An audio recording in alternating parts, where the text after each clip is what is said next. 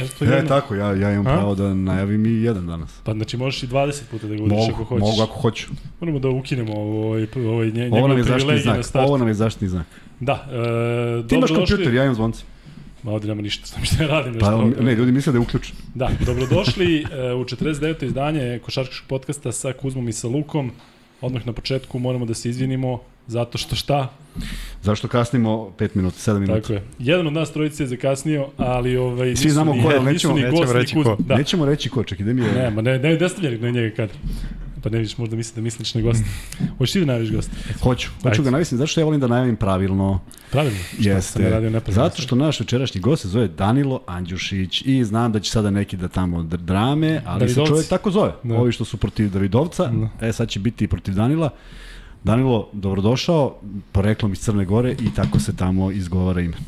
Hvala puno na, na pozivu, drago mi da sam ovde s vama i naravno drago mi je da iz, da, jeste, 100%. Tako Tako, da, drago mi. Danilo, ajde onda E, e, pa da se da. naviknem ja.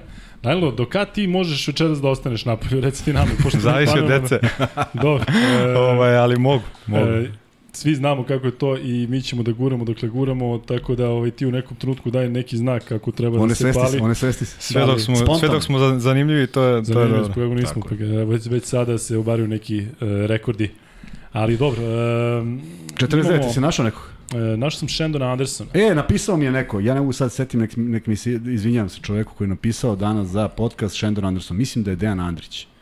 Da je Shendon tačno. Anderson nos- nosio. Jeste, tako? naš 49. Poslao mi je i ja kažem, i pita, a kad, aj kad sam već na vezi, ko je večerašnji gost? Ja kažem, samo ću ti reći DA, ali nije ovaj, trener.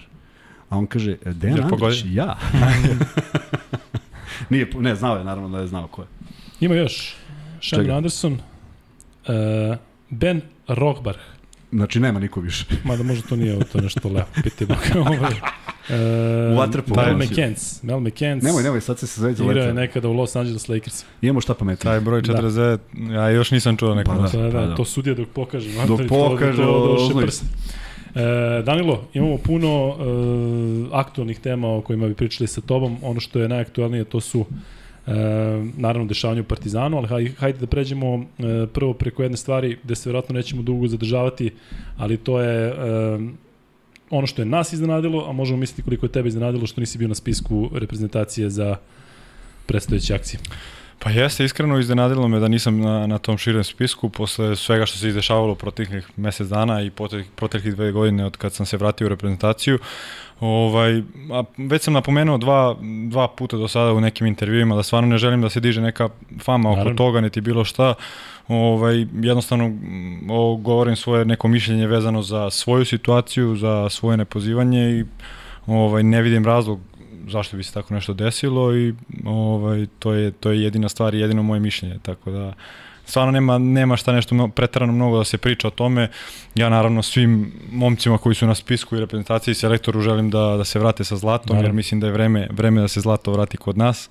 Ovaj biću naj, ono, najveći navijač sigurno ovaj cele reprezentacije tako da to je to je jedino bitno ovo što se deše, desilo bilo je i prošlo Znaš šta je tu samo najveći problem? Što zaista ovde, mnogo smo te puta spomenuli, naročito od, ne, samo, ne samo od potpisivanja za Partizan, nego kad smo pričali kroz e, tvoje igre u prošloj sezoni, ali e, ono što smo mi negde ovaj, zaključili da igraš najbolju košarku svog života. Ja ne znam da li se ti s time slažeš, ali nekako kao da su se poklopile sve kockice i da si ti zaista bio neko ko je donosio tu prevagu u svojoj ekipi. Pa je onda otuda veće iznenađenje, jer možda je bilo nekada i pre manje više razloga da ne budeš Da. koliko je sada da Pa složio bih se s tim, jer stvarno u zadnje tri godine mislim da igram naj, najbolju košarku u svojoj karijeri. Nekako od kako sam došao u Francusku, kocki su se poklopile, uh, Savo Vučević je tu igrao veliku ulogu jer mi je stvarno dao uh, lidersku ulogu u ekipi, dosta slobode što mi je jako prijalo i nisam imao u nekim prethodnim godinama i ovaj drago mi je da sam na taj način vratio i njemu i klubu u kom sam bio jer smo stvarno pravili uz moje individualne uh, dobre statistike, igre i sve. Uh, najvažnija stvar mi je da u, u toj situaciji gde sam bio lider, uh, moja ekipa je pobeđivala, pravili smo istorijske rezultate za klub, uh, igrali dva puta, bili plasirali se dva puta u play-off, što se nikada pre nije desilo u Eurocup, u top 16 Eurokupa, tako da stvarno nekako zadnje tri godine uh, sam na i, i sada ovaj, na tom nekom vrhuncu karijere, ovaj, ali ono, kažem, mislim da je to ima i sigurno dosta i sa godinama, iskustvom, ali velika je stvar u toj nekoj uh, slobodi u igri i, i onome što sam dobio u te dve godine u, u Burku. Iako sam potpisao tad ugovor samo na mesec dana u početku. Što je fantastično, da, da i ostalo da, toliko dugo. Pa eto, ovaj, pokazao sam ti nešto malo čas, nećemo o tome, ali Savo Vučić je bio trener meni tada u Šarlotu, da, tako da eto, da. to je interesantno. A inače, svi gosti koji su kod nas bili, 90% gostiju koji su kod nas bili imali smo nekakvu vezu. E, Danilo je malo Slično. mlađi, ali vidiš, evo pogodilo se opet nešto, nismo, nismo bili da, zajedno na terenu. Da. da. E, Danilo, Danilo, još samo ovaj, kratko oko toga. Uh, ali tebe prvo da pitam, Ajde. znači za Bobija nam nije bilo iznenađenje, zato što smo znali da je Bobi istrčan i sve što kaže za, za njega on za je... Za Bobija mi je bilo iznenađenje da je uopšte bio. Ali su ih nekako stavljali u isti koš kao iznenađenja Marjanović i Andjušić, što opet nije, nije isti nije, nivo. Nije isto, nije isti nivo. Da. Bobi, Bobi ima malo minuta u prošloj sezoni, neko je ko je donosio u svoje najboljim danima, donosio tu neku prednost u određenim segmentima igre. Uh, videlo se da to protiv Belgije koja nema visokog igrača praktično, a ako je visok onda je i pokretan, nije dalo rezultata i u suštini ne znam zašto je, zašto je sve to ispalo tako i moglo je, ja mislim, bez Bobija i možda bi bilo pola koša. Ne zašto je, da li je Bobi nešto skrivio, nego prosto koncepcija igre bi bila drugačija, jer ima mnogo komentara o kojima sada pričaju kada je izašao spisak, mnogo komentara da su mnogi ljudi, a mi ipak imamo neke, neke ljude koji očigledno znaju o čemu pričaju, na našem, govorim, na našem podcastu su stavili da su očekivali neku uh, petorku sa Bjelicom na petici da odgovore brzini Belgijanaca, pošto Belgijanci nemaju neku unutrašnju igru koja, je, koja se gradi na, na, na, bez tranzicije, bez, bez tranzicijne igre. Tako da, naravno, mi sada pričamo i ovo što je Danilo rekao, da mi pričamo nešto dalje o tome. Imamo stručni štab, imamo ljude kojima moramo da verujemo, kojima želimo da verujemo, imamo neverovatan spisak igrača koji je objavljen. Žao nam je što još neko nije tu, ali vidjet ćemo kako će to sve da... Moramo da podrška, nema druga. Tako je, nema Tako šta drugo. Ali znaš, baš zato što, ajde da me ne sveti niko pogrešno, ali prozori jesu prozori i znamo i kako mi mišljenje imamo o svemu. Ali poslednja baš takmičarska utakmica je bila protiv Filipina. Ne protiv Filipina, protiv Italije. Da. Dakle, onaj, onaj da, turnir da. za olimpijski Ako je neko tada odigrao kako, kako treba i onako dao neki gas da može da se stigne, to je on. I onda ne znam šta se dešava. Ali reci mi ti kad si bio u Savezu, je li isključivo selektor sastavljao spisak, sedeo ili tako se... Je, tako je. Pa nema, nema, nema više instance. Mi smo predlagali tih, te dve i po godine, zaista sam se upravo iz sve snage da se formira stručni savet. Ne stručni savet da bi se on sastajao svakodnevno i da bi tu sad sedeli velikani i veliki treneri koji imamo, gde je neki argument zašto nema stručnog saveta, zašto naši naj, najbolji treneri nisu u zemlji. Pa dobro, imamo još plejadu dobrih trenera koji jesu u zemlji, ne mora da to bude vrh vrhova. Ima mnogo dobrih trenera koji rade sa nekim, u nekim drugim klubovima. Međutim, otpala je ta ideja zato što bi ona mogla da bude verifikacija. Jer gledaj, ako dođe selektor, u ovom slučaju je to Kari Pešić, ali nije stalno bio Kari Pešić. I Sale Đorđević je bio na nekom početku reprezentativne karijere kad je došao. Zamisli kako bi to izgledalo da on napravi neki plan i program sa kojim igračima i pet nekih mudrih glava, kako ja to vidim, kažu da, dobra ideja, a zašto ne ovaj, a zašto ne ovaj, pa se nekako možda koriguje pa donese nešto. Eto, to su neke stvari koje su prepuštene treneru, a u ovom slučaju su prepuštene jednom od naših najboljih trenera. Nemamo šta sada da pričamo da, da bi trebalo neko da mu pravi spisak. Ovo će vjerojatno doći onda ako se nešto ne uradi, onda će biti e, a vidiš uvek, sada treba uvek daš kako ide, to ide. Uvek to ide. Ali Danilo, tebi stvarno čestitke na, na tome što si potpuno onako lepo i dostojanstveno iznao sve to i sam si rekao, dakle, bit ćeš najveći navijač. Znam da ima onih koji bi verovatno, a i bilo je situacija u prošlosti kada nisu na spisku, pa onda malo nekako izokola, ponekada i direktno kažu šta misle, definitivno pa, bila nije... Bila je i prove da se napravi senzacija od ovoga. Pa, da, bila, sa, da, sa bila. mojom reakcijom na Twitteru, ovaj, onda su svi počeli da komentarišu je, da. da sam ja ismevao spisak da ovo, da ono što nema nikakve veze sa, da. sa vezom.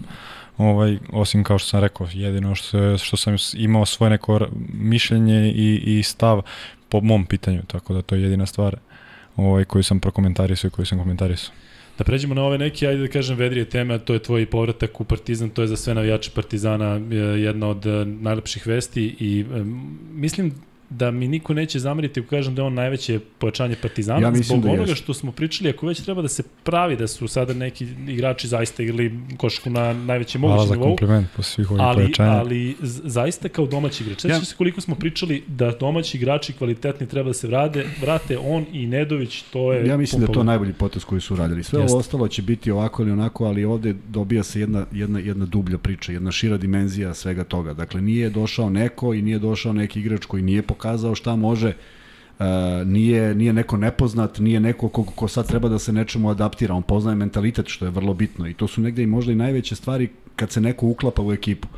A, videli smo neke, neke, neke poteze i u Zvezdi i u Partizanu koji nisu prošli, to je baš iz tog razloga. A ovde dobijate čoveka koji ja negde, sad možda grešim, ali evo pitam te, da li negde postoji, ja, ja verujem da postoji, negde žal kako su se završile tvoje dve epizode u Partizanu. Čekaj, 2012. Pa da. si bio MVP Kupa Koreć. Jeste, jeste, pa postoji, realno ja sam to odmah rekao kada se, su se te dve epizode završile, ovaj, da bi voleo još jednom u karijeri da obučem dres, da li u kom trenutku karijere nisam znao, niti sam predvidio da će se ovo desiti i drago mi je što sam u najboljim igračkim godinama se vratio ovaj, i naravno da mi je uvek bilo u glavi da, da bih voleo još jednom da se cela ta priča zaokruži na, pravi mogući način i mislim, iskreno mislim i verujem da je, da je sad pravi moment, moment za to. I kao što ste napomenuli meni je ne samo s mojim povratkom i kažem kao što ste rekli za Nedovića mislim Kalina je prvi povukao taj potez Tako. u najboljim igračkim danima, Tako. vratio se u Zvezdu.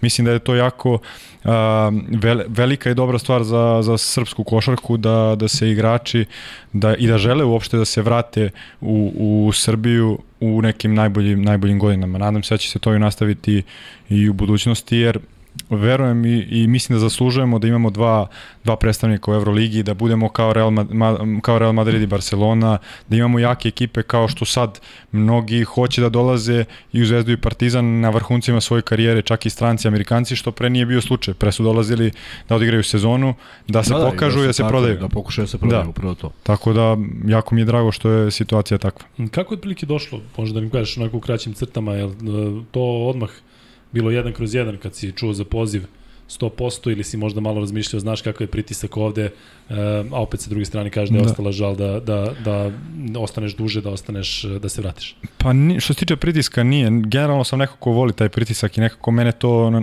motiviše i volim da igram u takvoj atmosferi, iako znam da, da, da za mnoge je to teško sa takvom armijom navijača i sa takvim pritiskom da se stalno očekuje od tebe da si na vrhuncu, uh, nije lako, ali to je nešto što, što ja volim i neko što me, što me gura da, da budem još bolji. Ovaj, tako što, što se tiče toga nije, nije bilo bilo, nije bilo razmišljanja, uh, pa čak i o povratku nisam nešto mnogo razmišljao. Prvi kontakt sam napravio sa Željkom, uh, u, u toj nekoj priči sa njim, uh, o moje ulog, ulozi u timu, generalno kako će tim izgledati, šta će se dešavati, generalno kada te zove najbolji trener svih vremena, mislim, ne dešava se stalno, tako da i meni je to bila velika satisfakcija i naravno da sam uvijek imao želju ovaj, da, da jednog dana zaigram ovaj, kod njega. Tako da nije bi posle tog razgovora nije bilo previše previše kako se zove razmišljanja. Posle sam seo i sa zajedno sa Željkom i upravom kluba, dogovorili se i vrlo brzo sam doneo, doneo tu odluku. Reci mi, vratit ćemo se naravno na sve što se dešava u Partizanu, ali e, nešto što mene zanima kada igraš na tom nivou i kada toliko promeniš država kao u tom slučaju i toliko klubova i vratiš se sad u jednom ovakvom trenutku, Kolika je sreća oko tebe, familije i svih da dolaziš lepo da igraš u svom gradu? No, ogromna je sreća jer ono, napokon ćemo ponovo posle, tako. čini mi se 7-8 i to prošli put kad sam bio, bilo je samo na dva meseca, tako da skoro 10 godina igram, igram van i onda svi su oduševljeni, jedva čekaju gledaju utakmice da dolaze, jer ono, ovako tokom godine pogledaju jedno, dve, tri utakmice uživo i to je to. Ovaj, generalno svi u porodici su sportisti, svi su ono okrenuti ka tome i onda svi naravno jedva čekaju da su svi bili oduševljeni. Biće samo jedan sektor za, za Andjušić. Za me, to, to je uvek bilo tako, uvek bar jedno 15 ljudi. To. Verujem da je tvoja satisfakcija, da ti osjećaš zaista veliko zadovoljstvo znajući da će sada ovde, mislim, rodite si, pa ipak su tu, tu si. Naravno, uvek, uvek ta podrška, tako. podrška prija i mislim da je to uh, jedna od najvažnijih stvari Kako? generalno u životu sportiste, tako da... Danilo, ovaj tim Partizana, dakle, ne znam koliko puta si bio u ovakvoj situaciji da se zaista dovodi veliki broj kvalitetnih novih igrača kod kojih nema čekanja, dakle, gde mora odmah, dakle, svi koji su došli pored tebe, od njih se očekuje da odmah budu pravi. E, kako ti izgleda ovaj tim? Da li si sa nekim igračima, ja sam pokušao da vratim film, sa kim si ti ranije e, bio saigrač i gde od ovog tima Partizana? O, igrao sam sa Avramom, sam igrao u, u reprezentaciji, e, zajedno Klubski I, ni sa kim, tako? A, klubski čini mi se ni sa kim. Ali generalno većinu njih poznajem i van terena ili sam igrao o, protiv njih, tako da ovaj, znaš kako to ide, ono, znaš se sa njima, pričaš ovo, ono, tako da sigurno neće biti teško uklopiti se u ceo taj sistem i kao što si rekao, ovaj tim stvarno mi izgleda moćno za sad na papiru. Uh, ja volim da napominjem naravno da su nam ciljevi naj, najveći mogući, ali treba ići korak po korak, jer ono treba sve da se slegne, treba se, vremena da se napravi ta neka hemija, tim i verujem kada to uradimo da možemo napravimo velike stvari, jer stvarno uh, popunjeni smo na svim pozicijama, uh, svi igrači koji su došli imaju iskustva igranja na najvećem mogućem nivou, da li to Euroliga ili NBA, tako da to sigurno znači i kao što sam rekao na početku, jako mi je drago da igrači u takvim situacijama su odlučili da, da dođu u Partizan i da, da budu tu sada kada, kada se Partizan vrati u Euroligi, te mislim da, da mu je stvarno mesto. E, koliko si ispratio prošlu sezonu i sve što se dešavalo što se tiče Partizana, pretpostavljam da nisi negde u glavi imao da bi mogao da se da. vratiš, ali da kao neko ko je Gledao, da, pratio sam, bio, da. da. Sve ono što se dešavalo u finalu, mi smo toliko govorili o tome koliko u stvari igrači na terenu posle utakmice su onako Istrpi. Ne samo to, nego prijatelji i vidi se da oni nemaju između sebe nikakav problem, Aha. da se taj problem vrati, da se pravi negde okolo. E, sam si igrao, odnosno bio si saigrač sa nekim e, igračima iz Zvezde, iz tog tima, iz ovog tima, znate se iz reprezentacije, kod vas nema nikakve zle krvi, tako? Nema, naravno, nema nikakve zle krvi i, na, ok, kad se igra utakmica, na dan utakmice, sve oči su uprte u to i naravno se fokusira da tvoj tim pobedi. Ma, ali, ništa drugo te ne da, zanima. ništa drugo te ne zanima, ali kada se sve to završi, mi smo pre svega drugari van terena, sportisti smo, nema razloga da bude bilo šta lošeg između nas i sa moje tačke gledišta mislim da ni, ni u kom slučaju ne bi trebalo da, da ima. Ja, kao što si rekao, imam mnogo igrača, na primjer, u sastavu Zvezde koje poznajem iz reprezentacije, ovako ne da mi jako dobar drugar, tako da ovaj, Uh, ne verujem da ćemo prestati da se družimo mm. posle ovoga. Biće to dobar Ali biće zanimljivo, ali biće zanimljivo. Jeste pričali možda posle kad ste potpisali ti ovdje? Jesmo, I... pričali smo i čuli smo se ba, baš kad je Bilo kad je on potpisao, jer sam ga ja pitao pre nego što je izašao, ja ga pit, ja ga odmah zvao, rekao, jer ovo istina, rekao ja, rekao, odmah sam, odmah sam ga zezao, pošto treba sada pravi svadbu, rekao sam pozvao na svadbu. da, vidjet ćemo, vidjet ćemo. Da. E, ima puno pitanja već sada i postavljate pitanja za Danila. Vratit će nas naravno svi ovde na Partizan, ali ja bih se vratio sad i malo nazad. E, dakle, da idemo ovo što je najsvežije kod tebe, a to je taj boravak u Monaku. E, promenio si, dakle, dva velika trenera, e, naš domaći trener, Jaka Mitrović, naravno, naš, došao. da. Naš. Zvezdan Mitrović i Saša Bradović, nekako deluje da je to bila šok terapija kada je došao Saša Bradović, mi smo dosta pričali o tome, mi smo se začudili zašto je Mitrović tako, tako ovaj, rano o, dobio otkaz i stalno smo pričali o tom nekom eventualnom, bar je tako delovalo meni koji sam komentarisao te mečeve i sada da vidim šta se dešava između njega i Jamesa. Je to zaista bilo ili ili? Pa nije, mislim, mi igrači generalno nismo to videli kao, kao nešto, kao da ili on ili, ili Mike. Mislim da jednostavno generalno nije atmosfera bila na najbolj, najboljem mogućem nivou i nekako i igre i elan koji su svi imali ne, kao da se nešto uvuklo u tim i to jednostavno nije funkcionisalo. Iako na početku sezone, po mom mišljenju, smo igrali dobru košarku i na početku pokazali sjajne rezultate pored pobeda, od nekih timova kao što je Barcelona izgubili smo na jednu loptu, Real isto tamo na jednu loptu, znači po meni nisu to toliko rezultati, iako smo u toj situaciji bili nešto niže, mislim da nije to toliko uticalo, više uticalo na to na kakav način je izgledao tim i kako je igrao, trenirao i to. I mislim, možda grešim, ali mislim da čak je on u dogovoru sa, sa upravom kluba dogovorio da se rastanu, jer verovatno je video da da ne može da promeni tu situaciju ovaj kakva je trenutno jer jednostavno kažem generalno i energijom i uh, raspoloženjem i svim stvarima nije to funkcionisalo iako da, je to se osjeti, dobar trener. osjeti u slučionici, ne možemo da, da vidimo to na da, terenu, naravno, ali da. shvataš da neki rezultati nisu, a ipak neko I nešto ne ide, da. I onda kad je došao, došao, došao Saša, stvarno je bila kao šok terapija uh, sa svim tim nekim metodama koje, koje on ima, tim se kao da se razbudio i tih narednih tri meseca stvarno smo igrali odlične rezultate i odlične rezultate, da, bitne utakmice, jer ono mi smo pred kraj sezone svi pričaju kao ok, mi smo se plasirali jer su se uh, ruski timovi da. isključili, da. a to a mi smo najviše izgubili da. uh, isključenjem ruskih jer smo mi imali 4-1 u tom trenutku skor sa Monako, ruskim. uh, da, vi timovima. i, i, i, Fener. Da, da mi bi čak sa ruskim timovima mogli da napadnemo i, i bolju poziciju tako, posle.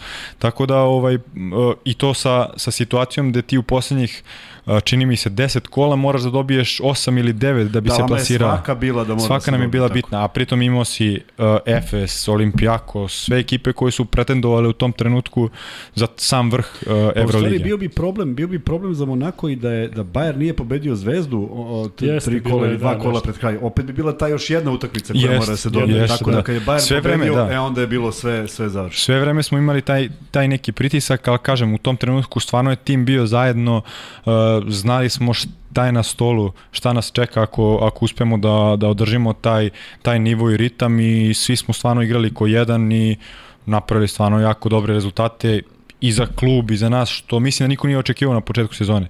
Ja lično sam s obzirom da sam znao kakav tim imamo i čak i u mnogim intervjuima sam govorio da da po meni mi treba da budemo u, u, osam ekipa, iako mnogi to nisu videli tako, ali s obzirom na kvalitet koji smo imali i, uh, i igrače koje smo imali u rosteru, meni to nije bilo nerealno, što se pokazalo posle da, da je stvarno bilo tako, jer mislim da smo stvarno zaslužili da, da, da budemo tu, A, tu gde kaži jesmo. jeste animirali malo publiku, pošto ipak je to Jesmo, i to atipično, mnogo. je tako? Jer ja se znaš, prošle, ja se znaš, sjećam pa da. prošle godine a, kad smo igrali protiv Monaka, tu dođe 1000, 1000 i po ljudi i to je to, a to je hala od 3500, 4000 ljudi. I sad kad dođe 1000, 1000 i po i tad deluje prazno. Prazno, da. I ove godine kad smo krenuli Euroligu, prva utakmica puna dvorana. I onda kako smo sve uh, pravili dobre rezultate, uh, postali smo trend, da kažem, u Monaku, nekako svi živi su dolazili od, i od poznatih i, o, i ono, baš se svaku utakmicu, čak i u francuskom prvenstvu je bila popunjena hala što se nikad nije desilo. Čak su nas, ne, ono, u gradu su nas ljudi zaustavljali i ljudi koje smo znali re- govorili kao, Verovatno prvi put u istoriji. Pr, da, kaže prvi put, kaže prvi put da se dešava da su uh, igrači, košar, košarkaši uh, poznatiji u gradu i da se više o njima priča nego fudbaleri. Tamo je fudbal broj Da, 1 tako i je. nikada to nije bilo. Tako da smo stvarno napravili dobar rezultat. A I mora, gener- mora da je dobar osjećaj. Mislim, Kako ne? Učestvuješ U- u pogotovo- stvaranju nečega što, što nije Jest. postojalo do tada. I generalno klub koji je do pre nekoliko godina igrao drugu ligu uh, koji nema toliko dugu istoriju kao, kao neki drugi uh, klubovi, korak po korak došli si do toga da si konkurent za sam mm, Final Four Evrolige, što je stvarno mislim da je velika stvar i stvarno prija biti u takvoj atmosferi gde se prave ti, ti ono istorijski rezultati Tako za klub i ono lepi osjećaj stvarno. I mislim da stvarno ljudi u klubu sada koji su ušli, koji um, generalno ceo taj staff i to mislim da prave jako dobru priču i da prave projekat za budućnost i da imaju ono velike velike ambicije Žele da što se žele da da ostanu u Euroligu i da idu na samo na gore. tako. Što se i pokazalo, mislim generalno pojačanja koje su potpisali i sve su potpisali na 2-3 godine, znači da imaju neki dugoročan plan, tako da Ali to nedostaje da je ovdje kod nas, mnogo teže, plan. Mnogo Da. teže, mislim da je tako sada kada su dobili ekipu za koju se podrazumeva da mora E, da bude. Ali evo morate ima ipak. Partizan, evo većinu igrača potpisali su na dve godine. Odlično, pa ne. Što mislim da je stvarno ali to, i to ali je tu, tu, tu, tu težinu donosi Željko. jeste naravno. Nije to Da. bilo ništa što, što Naravno. se dešavalo u skorijem Da, periodu. Tako da to su dobre stvari i, i, i, i uh, uh, ovo što pričamo za Monako. Sad zamisli kada ti ni iz čega ne, nemaš očekivanja, postaješ popularan, dođeš do tog nivoa, sad ovi koji dolaze moraju da nastave u nekom Da, da. tom ritmu. Uh, osvojiti I moraju da titulu pokaže, da. i jedna priča, odbraniti titulu je Jedino to je velika tako da- žal što nismo uradili to što nismo To osvojili mogli, da. titulu, Da, što ono mislim da je Ono, peta utakmica, ono, ono je stvarno bilo neverovatno i ne, ne mogu da verujem da smo mi uopšte izgubili tu utakmicu. Uh, ja kažem čak jedn, u jednom trenutku, ja mislim da su oni koji su pravili onaj natpis na kraju, da su već bili na kraju stavili Monako, posle su morali da prepravljaju, jer, jer je gotovo. Bilo je, A, bilo je na kraju... Uh, Ne, za vas, koliko ste vi vodili tokom tekme? Uh, smenjivao se rezultat, ali generalno imali smo 15 sekundi, uh, dva razlik, ili poen razlike, ili dva, ne mogu se setim, ali smo imali slobodno bacanje. Znači imali, imao si loptu, znači samo da daš bacanja, napraviš faul ili Da. o- odbraniš i to je to. Čak i Okobo je imao uh, bacanja u, u, produžet, u produžetku, imao je bacanja za Za pobedu. pobedu.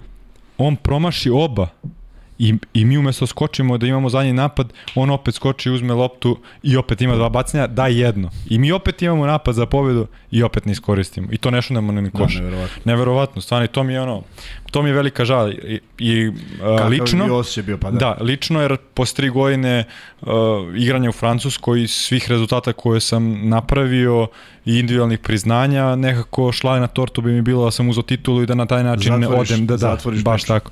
Tako da, ovaj, a generalno ne samo meni, nego svih, svih u klubu, jer stvarno sa tim bi sezona bila stvarno na vrhuncu, Kompletno, ali da. izgleda da ne može da, sve u da bude u ka... sve neke probleme, ne može sve bude kako, ali u sve probleme, da. Da. jer ipak promena trenera obično dovede do, ne obično. Dešava se da odvede u potpuno pogrešnom pravcu, a vi ste iskoristili to na Da. najbolji mogući način. Znaš da je John Brown potpisao za Monako, znaš, nema više priče Da. oko Zvezde i Partizana. Ne, a? na, na, A ne, pa... A dobro, da ne oskrenem. Ne. Znali smo mi to još davno. Da, da. E pa dobro, Da, ali- viš sad, ti lakše sada. Pazi, ali kada mi je rekao ovaj njegov menadžer Gesman, on je rekao kao četiri najbogatije kluba, kluba u Evropi se bore kao prič, pričuje sa najbogatijim klubovima. I ja razmišljam, znači, meni u glavi bili Real, Barcelona, zašto je pričao da ima i Španije, rekao Virtus možda i nije mi uopšte pao na, na, na pamet Monaku, a znaš da priča o- u Monaku, mislim, sprdnja ide da e, kada je puna dvorana u Monaku da je 13 najsiromašnijih su 12 igrača i trener. Da svi na tribinama su bogatiji od njih. Bogati, da. Ali Što nije daleko od istine. Pa da, pa da, posebno kad dolaze, dolaze poznati. Kad smo već kod tih poznatih, hajde reci nam e, to prisustvo Kevina Durenta o kojem su svi pričali, je to na vas igrače uticalo nekako da znate da je jedan takav čovjek tu? On je došao nešto na, na, na, na u prvoj, četvrt, ne, u prvoj ili drugoj četvrtini se pojavio i onda je to bila glavna vest. Ja ne znam da li su, znaš, da li je bio aktualan rezultat, nego kao Kevin Durant se pojavio da No dobro, gleda, jeste da gleda velika Michael Dobro, jeste velika stvar da, da tako neko ime dođe da gleda Euroligašku utakmicu, to nema šta. Mislim, mi smo znali da će on doći jer je on ono, jako dobar majkov prijatelj i čak i ujutro na trening, pred naš trening šuterski bio u dvorani, ovaj, tako da smo ga videli. Da. Mislim, generalno za mene lično i generalno za igrače, ok, naravno da je velika stvar za košarku da odgleda Euroligu, da te gleda K, KD, ono, o, to je stvarno ok, ali, Ali ništa mi smo- ništa više od toga. Mi smo bili skoncentrisani na utakmicu, ali generalno mislim da je to, ta vest jak, ono, odjeknula svuda i, ovaj, i stvarno kad vidiš, kad vidiš tako neke stvari, vidiš koliko je on u stvari popularan i koja je on veličina generalno u, u svetu. Tako Da, je. Ali interesantno da, da ovaj, njegovi, njegov onaj post iz Pireja. Iz Pireja, da. Pa njemu se toliko svidelo stvarno ovaj i generalno i utakmica i kako smo igrali to i ovaj i odmah posle utakmice je bilo priče kao s majkom kao da li da idem za Atinu kao da gledam ovo ono i na kraju dođe dođe taj dan za I Atinu šokira i, i, da je gledao ono nije nije mogu da veruje. Znaš da su navijali ovde Jer- za Monako da bi došao da bi došao Da, da. a ima još i ima i priča da ovaj eh, Mike nam ispričao da da je hteo da dođe i onda su Teo je onaj kao court sit. I ovaj I oni mu rekli kao, pa kao ne možemo da obezbedimo, kao nije, nije bezbedno. I on čovjek bio šokiran, kao kako, kao da, kao ne mogu sedim pored terena, kao ne razumem. Kao, Za Olimpijak, Kao- za Upire. za upire, da. I kao ništa mu nije bilo jasno i onda posle verovatno je skapirao zbog čega shvatio nije zašto smeo da bude tamo, da. I onda su ga stavili taj ono da bude, da bude Zašto bezbedan da. gore, da.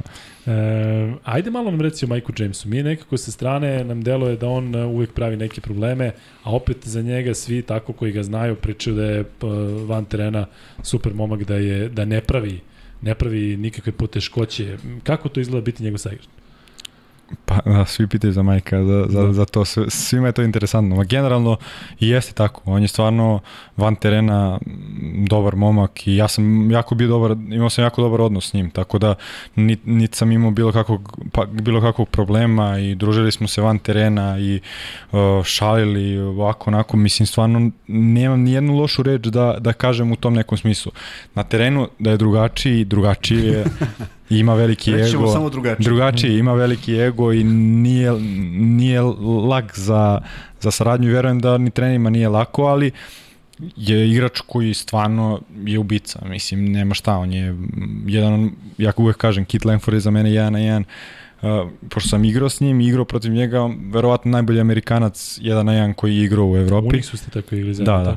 Ovaj, ali uz njega Barabar Mike, to je stvarno neverovatno iz kakvih situacija s kojom lakoćom on radi stvari, završava, daje poene, vidi sve. Ovaj, stvarno, mislim, nema šta da se priča, čovjek igra toliko dugo na, na tom nivou.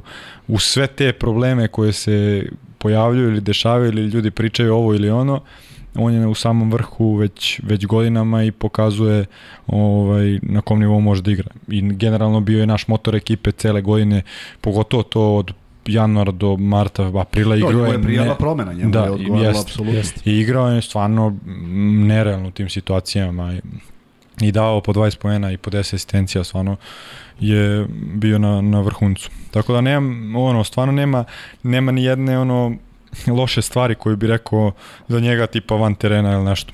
Ali, Osim što je tako da. mentalni sklop takav kakav jeste. Da, ali u slačionici kad razmišljaš da se nešto dešava između njega i Mitrovića nakon na klupi, razmišljaš tek onda u slačionici gore. Ali u mnogim, da, mislim, uh, uvek se dešavaju neke situacije sa, sa trenerom i to u, toj trenu, u tim trenucima kad su glave usijane, možda dođe neko odgovori nek, jedan drugom i to se dešava, ali mnogi su na primjer prenosili neke stvari kad je on otišao, ne znam, u Efesu, u Istanbulu protiv Efesa u Sočanicu, kao da su se posvađali ovo ono, to uopšte nije bio slučaj da. koliko ja znam i posle iz priče. Znači, mnogi kreiraju tu neku sliku, uvek, uvek da. se pravi neka, neka fama oko toga, ali ono, Tako da... Da, pa neko si podrazumeva sa njim, zašto on malo, malo pide u slačionicu, ne znaš više da li mu si ide da, u WC ili ne znam. malo da. da.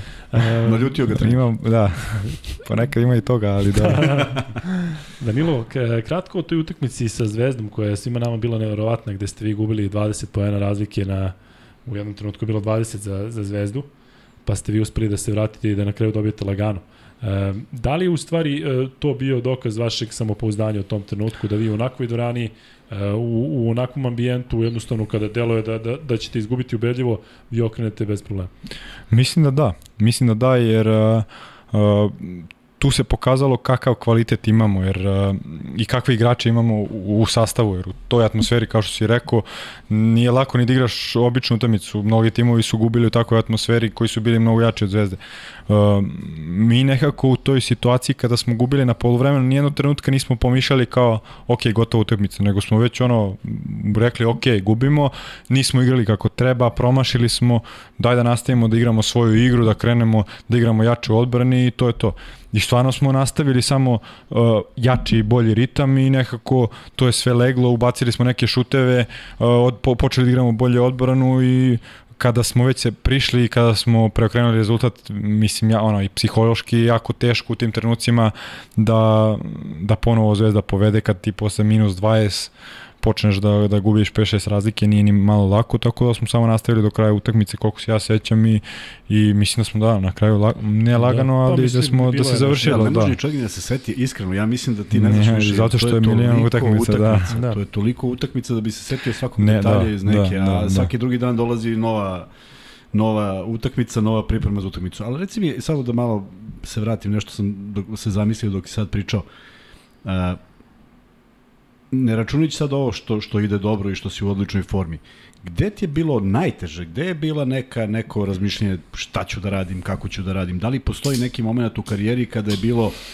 Bilo E, bilo je. I evo sad prvo što mi pada na pamet, to je uh, Poljska, posle, da, E. Poljska i ne sad zbog Poljske, jer ja sa, ovo, sa ove tačke gledišta mislim da je Poljska jako dobra zemlja za igrače koji treba da naprave taj neki skok na, na, na viši nivo. Ali u mojoj situaciji gde uh, posle igranja u Partizanu, dve godine u Španiji, malo u Italiji, gde si igrao na tim nekim m, u najboljim ligama u Evropi, dođeš u situaciju u tom trenutku da dođeš u Poljsku što ja nisam ni znao kakva se košarka igra, niti sam bio toliko upoznat o tome, uh, gde naravno imaš milion ljudi koji su govorili to je taj nivo koji će onda ostane da igra i to je to, nema šta. I slušaš te priče i, I čuješ mislim, ih, da. ja, čuješ ih, ali sva se reće da sam ja stvarno neko ko je uvek u bilo kojoj situaciji u kojoj sam se nalazio verovao u sebe i uh, znao kakav kvalitet imam i na kom nivou mogu da igram, tako i da u toj situaciji ovaj, sam verovao da, da ima prostora i da mogu da, da se ponovo vratim na nivo na koji, na koji zaslužujem. Naravno, tu sam imao veliku po, podršku uh, porodice, uh, najbližih, najbližih osoba oko sebe. Um, moj, ja, to jest naš jako dobar prijatelj, mene i moje supruge, uh, Đorđe Kolđić, koji je mentalni trener, psiholog ili kako god ga nazovemo. U tom trenutku sam počeo da radim sa njim, jer je on pre toga radio sa, sa, sa mojom suprugom koja je se spremala za olimpijske igre i nekako ja sam kliknuo sa njim i u tom, u tom teškom trenutku mislio sam da, da, da mi je taj mentalni problem da, da prezupčim da sam, da, ok, u Poljskoj sam, ali tu, treba da. da, da, da se ponovo vratim na ono što želim i kako da se vratim na to pre svega mentalno. Ovo ostalo će sve doći samo od sebe i on mi je jako, jako pomogao u, u tome i dan danas radim sa njim i mislim da je to kod nas... Nema, nema više toliko potrebe. Uh, to kod nas, nema to... više toliko da. potrebe, ali i meni nekad prija, prija da, da, čisto da popričamo, da se vratim glavu na taj neki kolosek i Uh, mislim da je to jako velika greška kod nas je to tabu tema i svi misle da poludeo kao Da, kim ba, e, baš tako, baš tako. Uh, to je tabu tema, a ja mislim da uh, takve stvari sportistima i generalno mladim igračima mogu mnogo da, da pomognu karijeri. Meni su stvarno pomogle jer sam promenio neko svoje razmišljanje o, o košarci, o životu, o načina koji pripremam svoju glavu za te neke stvari i eto, ajde da ne dužimo o tome, stvarno posle toga korak po korak nije išlo sve kao po loju, ali ovaj, sam došao do toga da ponovo zaigram Euroligu posle uh, tipa godinu ili godinu i po dana već. Svedoci smo da si pobedio u svemu tome. Da. Da, da, to i Ali- to mi je drago, što, izvini što Ništa, prekinem, drago mi je što ovaj, u celoj toj situaciji uh, sam uspeo da se, da se izborim sam, da nisam imao pomoć nikoga u smislu da me neko guro, da me pustio, da, da, da mi je na neki način uh, pomogo da, da uradim te neke stvari. Neko, već ja sa svojom porodicom i tim naj, najbližim timom, da kažem, sam uspeo da, ovaj, da se vratim na taj nivo što, što mi je, kako se zove, stvarno drago zbog toga Naravno, pa i satisfakcija. Čast, svaka čast što si pristao na to, jer ovo što pričaš, što, što, što, ti, što si prepoznao to, ok, srećom imao si suprugu Ali to je to je velika sreća zato što je, u početku kada mi se te neke stvari dešavale, ona mi da, Pa da. naravno, kao Ona mi je bila rekla jer ona generalno u njenom sportu ovaj to je najvažnija stvar, to mentalno stanje i glava. I ovaj ona mi je sve vreme pričala kao što ne, mislim što ne probaš, možda možda vidiš. Ja sam bio u fazonu u početku, ma daj kao što, mislim šta bi ja njega. pričao, da. Još samo njega mi. I onda malo po malo i kad sam video kakva je situacija i kad sam shvatio zašto da ne, ako bih mogao da, da se poboljšam i 1-2%, to je napredak, tako da Svaka čast što si preskočio taj korak, zato što mnogi ne bi, a ja znam sad četvoricu iz glave, ovako da zviznem, Koji bi trebali, mogli, a? koji bi... Četvorica. ne, ne, pa četvoricu iz glave, a Da, ono da. kad bismo napravili detaljno, bilo bi ih i više. A znaš da u Americi, dakle na koleđžu, a inače sam igrao u istom gradu gde i tvoj braz, tvoj braz je bio na South Alabama, je li tako? jeste, E, jeste, da, u mobile, imaš- Da, mobil, da, mobil grad, South Alabama, Spring Hill College i Mobile University su tu, ja sam igrao Spring Hill College. Ali oni su igrali NCAA, a ja sam igrao NAA. Da. E, ali u, igrali bio- smo, u Mitchell centru smo igrali milion puta, tako da ovaj, znam. Eto. Koliko je bio tamo? Nije bio Ne, on je bio godinu, on je bio godinu, godinu i po dana i onda se prebacio na, na univerzitet tamo u- kod Pittsburgha. Ovaj, jer nije, nije igrao nešto mnogo u, u vamo na South Alabama i onda teo je da igra, nije teo da čeka i ovaj, onda se prebacio, ali generalno na South Alabama stvarno su vrhunski. nisi? Nisam, nisam bio generalno u Americi Da. uopšte. Da, to je stvarno čudo. Čudo. Ovaj, ali slušaj, A Burazer je bio s nama u 2017. Ja tako? Aha. Ovaj, A, mislim da u- si pominjao čak. Yes. U, kad smo pravili onaj 20 igrača iz Amerike. Aha, bravo, Aha, bravo, u. Denveru. Da, da, tako, jeste, u jeste, bio je, bio je, Što, bio je. što je bio tamo, zašto sam ja razumio da je to bilo samo za igrače koji su poreklom, ne znam, iz Srbije. To je bilo za Ne, igrače ne, s bilo je za igrače s koleđa, da, da, bio je on tamo, da, da, jasno da je to ono zaboravio, da, bilo je jeste. mnogo lepo i on se pokazao i stvarno su svi došli izuzetno motivisani i video se taj talent koji Jeste, posjeduje. On pričao, baš pričao mi, da, da. Ali ovaj, i ajde vratim opet priču. Sato mi je izuzetno žao što mi nismo te momke iskoristili za univerzijadu sledeće Da. godine. Ja I mislim njemu je da baš bilo krivo što nije Pa igrao univerzijadu, jer on, on je generalno prošao sve mlađe kategorije. Tako je, tako je. Ovaj, osvojio je medalje ono, Tako. na svetskim prvenstvima, na I igrao, evropskim. I tamo se pokazao i tamo bio neki vođa ekipe zato što ima možda i najveće iskustvo kroz Da, te mlađe jest, selekcije i jest. stvarno je bila želja i, i uh, Zoka Todorović koji je bio trener on je posle prvog treninga koji nikako da prekine, taj prvi kad smo došli, mi ne znamo, nismo legli da spavamo, mi smo pravo iz aviona otišli na trening. On kaže, ja bi još da radim, jer, a igrači Da da, da prestanu, jer ovaj kad bi rekao da je Pa zato što su svi željni bili svi da, ovaj, željni, svi dobili da. dresove, znaš kako su izgledali, ej, kao, Pričao je Saša, nema šta. pa ali to je bilo savršeno, međutim, eto, nije ni upalo. Ali šta sam da ti kažem, u Americi Još se na deo? da, da, pa da te sam, pa si me šest puta prekinuo. Ali u Americi kada je bilo kakav problem imaš, odmah te šalju kod psihologa i psihijatra, ne zato što misle da si lud, nego zato što se podrazumeva. Ja sam bio u fazonu, brate, To je tamo- to je tamo normalno, da. Razumeš, da. Ovo meni nešto nešto da sam kažem. rekao kao, kao, ajde, hoćeš kod ovog ili kod ovog? Rekao, brate, šta, Vidi, šta me, nisam vidi da, idemo normalan. još, da idemo još u nešto luđe. Ti si upoznat sa reformerima kako izgledaju pilatesa, oni, oni Da, to kod nas kad bi doneo, verovatno bi te neko gledao belo. Cela NBA liga radi na tome. I sada ja imam jedan, jedan primjer kad je supruga se edukovala za sve to. A, ovaj, njeni, njeni prijatelji iz Zagreba doveli su Bagarića da kao on proba ovo. On čovjek lego i počeo da mlati tamo, oni kažu, pa kako znaš? Pa kažu, ima svaka, svaki ozbiljan No, klub. Ima. Americi, da. Znaš, da. ti ovdje možda ti kažeš Ne, kreator i mnoge, kažu teraj. mnoge, mnoge stvari kod nas mislim da Ne prolazi. a, ne prolaze i dru, drugačije se gledaju i smevaju se jer možda zato što smo takav mentalitet, ali neke stvari koje su u Evropi normalne, kod nas ono, Da, teško ih je prihvatiti. teško. E, Danilo, Danilo. E, Ne, ja vezam. Ja, to, da. Slobodno. E, Tačno, navikao sam. Da. Ili e, Đuša. Da, Svi me svi zovu me- Đuša, tako Gospodine da. Andjušić, tako što mu obraćamo na kraju. E, sledeća godina posle Anvila je bila Parma. Parma. I To tamo mi je- je... Tamo je bilo nešto čudno, ja sam prenosio te mečeve, bilo neko pravilo da, Da, stranaca. ti, da. Tako? a, um, Kako beše? ne, bi, a, to je klub koji je a, pre bio onaj, a, oni su se zvali Ural. Ural, Ural, Ural, Ural, da. bravo. I onda su, oni su se ugasili i onda je nastao faktički nov klub. I meni je, ajde ja kažem uvek prekretnica mi je a, ta francuska, ali prvi korak ka, ka tome je bio, bila, a, bio Perm. Jer sam prvi put u karijeri a, dobio značajnu ulogu u ekipi. Jer sam prvo zato što sam bio jedini stranac, jer a, nije Koliko bilo pravila. izvini, u tom 30 a, ne, u tom trenutku 25-6. 25-6, da, ne mogu se Pa, tačno setim, da, ali da, pre Kad smo imali VTB znači, ligu, Unix dve- tako, 2016, tako veš. tako nešto. Da, Pe, pet godina, pre pet godina. da. Znači 26 Šest godina. godina. E, Bilo je vreme. 26 bilo je godina. Da, bilo je vreme da, da za pravu ulogu i to je nekako posle Anvila, to je nešto što sam tražio. Tražio sam da idem u neki tim gde ću da ću imati glavnu ulogu da i nije mi bilo bitno da li je ova liga ili ona da pokažem da mogu da mogu to da iznesem i da pokažem na kom nivou mogu da igram. I nekako od prvog trenutka to je bilo nije bilo pravilo u ligi, nego e, klub nije e, nije da, potpisao ni jednog ni jednog e, ni jednog stranca, ja sam bio jedini stranac. I stvarno meni je tamo pre, ono generalno kad sam odlazio bio sam Per, pogledam ono ispod Urala, ja Daleko, ono, daleko, razmišljam se ono da idem kako će sve da izgleda. Uh, trebala ono Ivana je trebala prvi put ono sa mnom malo više da bude bude vremena. I bilo mi, nije mi, nije mi bilo sve jedno. Međutim, stvarno smo imali tamo uh, fenomenalno uh, vreme tih nekoliko meseci. Uh, ja sam igrao svaku utakmicu po 35 minuta, bio najbolji strelac. sveta, da, da. da, ovaj, VTB-a, tako da i svega toga je došao taj pono, poziv uh, kazanja kasnije. Tako da tam, tamo mi je stvarno prijelno mi. Iako svi se smeju, ono kad ja pričam, ja stvarno kažem, ok, nije neki grad, ali imaš sve uh, uslove da živiš normalno u smislu restorane, neki uh, š, uh, tržni centar, pritom to je uh, grad od milijuni po stanovnika. Da, nije uopšte mali, tako Nije mali.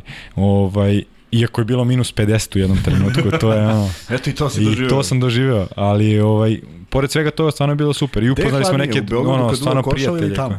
Gde je tamo kad tamo, izađeš napolje, ja sam mislio kad Ne je možeš to da- bilo ne minus možeš da udakneš. na minus 20, evo, ja jednom vozim se na trening i zove me, zove me Ćale i kaže, gde si šta radiš? Ja rekao, evo krenuo na trening, kako je vreme? Ja rekao, ma, ko, ja gledam ovako sunčano, nije nešto hladno, ono, kao koliko je stepeni, ja nisam ni znao, ja pogledam, ono, minus 19. On kaže, nije hladno, minus 19. Ja rekao, pa to normalno je. Ako je minus 50, to je ozbiljno. Ovo, Da. je, ovo se podnese. Da, deluje da je baš to bilo vreme i da je bio period kada si se rehabilitovao.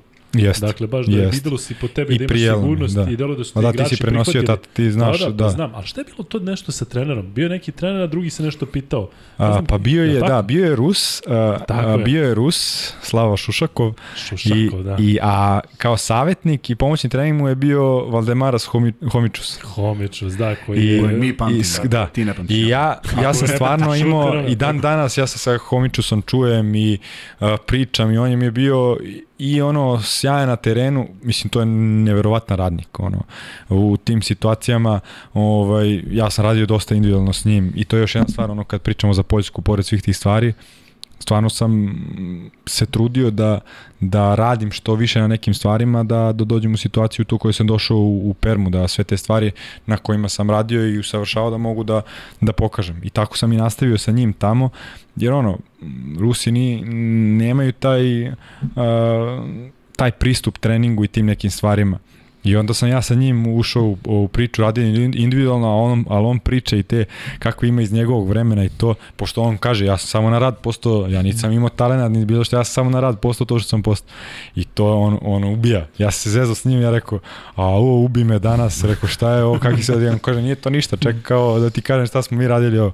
I pored toga, da, priče, da. stalno. Homiču si igrao, po- Homiču si igrao Jest. 86. kad smo izgubili od Rusa. Jest. Od Sovjetskog saveza. I sjajan čovek, ono, baš me Ali ima prihvatio. najpoznatije repove ovaj, u da, tom periodu. Da, I sjajan čovjek generalno prihvatio mi jako i van terena, pomogao mi oko stvari, uh, Ivana se ja družila s njegovom suprugom i nekako baš smo imali dobar, dobar, Što je dobru vrlo bitno komunikaciju. naravno, negde, da naravno. ne. I dan danas komuniciramo, tako da. Kad je već, kad već pričamo o toj dobroj komunikaciji, ajde malo da pričamo i o Burgu. Neko deluje da ste ti i Savo baš imali taj onako očinski odnos, da te on ukori onako pred svima kao, kao sina. Uf, bila je situacija da smo, i sad da. i ja, pošto i dalje smo naravno u kontaktu i čujemo se i onda ja kažem isto i on meni, bila je situacija kad je bilo čupavo pa, ja. i to, ali ovaj, mislim ja sad s ove tačke gledišta znam zbog čega je to on radio i a, zbog čega su se do, zbog čega se to dešavalo, naravno kao što sam rekao, ono, u jednom trenutku dešavaju se nekad neke stvari kad su obe glave vruće, odgovoriš da. nešto što možda i ne bi trebalo, ali generalno naš odnos na, od početka je bio na, na stvarno na, na vrhunskom nivou, jer sam znao šta se od mene očekuje. Prvih tih mesec dana kad sam došao, um, odmah se postavilo, ovaj, seli smo, pričali, postavilo se odmah šta se od mene očekuje, da radim, sad na meni je bilo da li ću to da, da iskoristim ili ne i stvarno je bila velika stvar. Isto tako bih napomenuo da mi je dosta pomoglo i tu što je Boban Savović bio uh,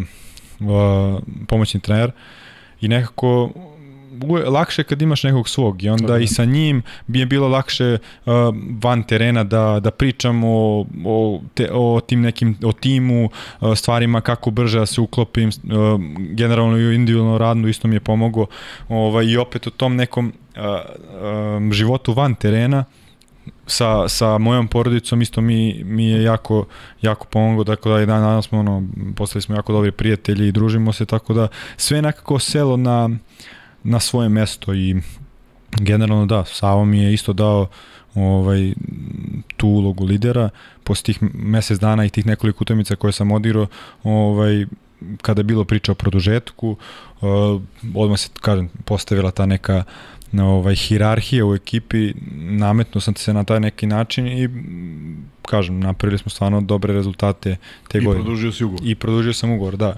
Čak sam i razmišljao, sam imao dobru sezonu, bilo je kao priče da li da čekam nešto drugo, jer sam ja potpisao relativno rano, ovaj, ali sam bio razmišljanja, ok, nisam bio dve godine skoro ni na jednom mestu do sad, želim neku sigurnost, želim da nastavim taj kontinuitet igara, znam uh, ceo, ceo tim, celu organizaciju, Savu, uh, dosta sam pričao sa Savom o, tom periodu i znao sam da će se nastaviti takva priča i sledeće sezone, zaigrali smo Eurocup i onda mi je bila, bio cilj da i na tom nivou Eurocupa ostanem u toj poziciji koji sam bio i ovaj da da nadogradim sve to. I opet kažem stvarno mi je drago što i zbog kluba mi je drago što smo napravili takve rezultate jer uh, generalno i ceo klub funkcioniše kao familija i meni je tamo jako uh, pričao sam sad skoro baš s jednim igračem koji nešto imao priču sa tamo i onda ovaj sam sam baš pominjao te stvari gde svi žele da ti učine da se osjećaš kao kod kuće, da ti olakšaju stvari, ne treba da razmišljaš ni o čemu,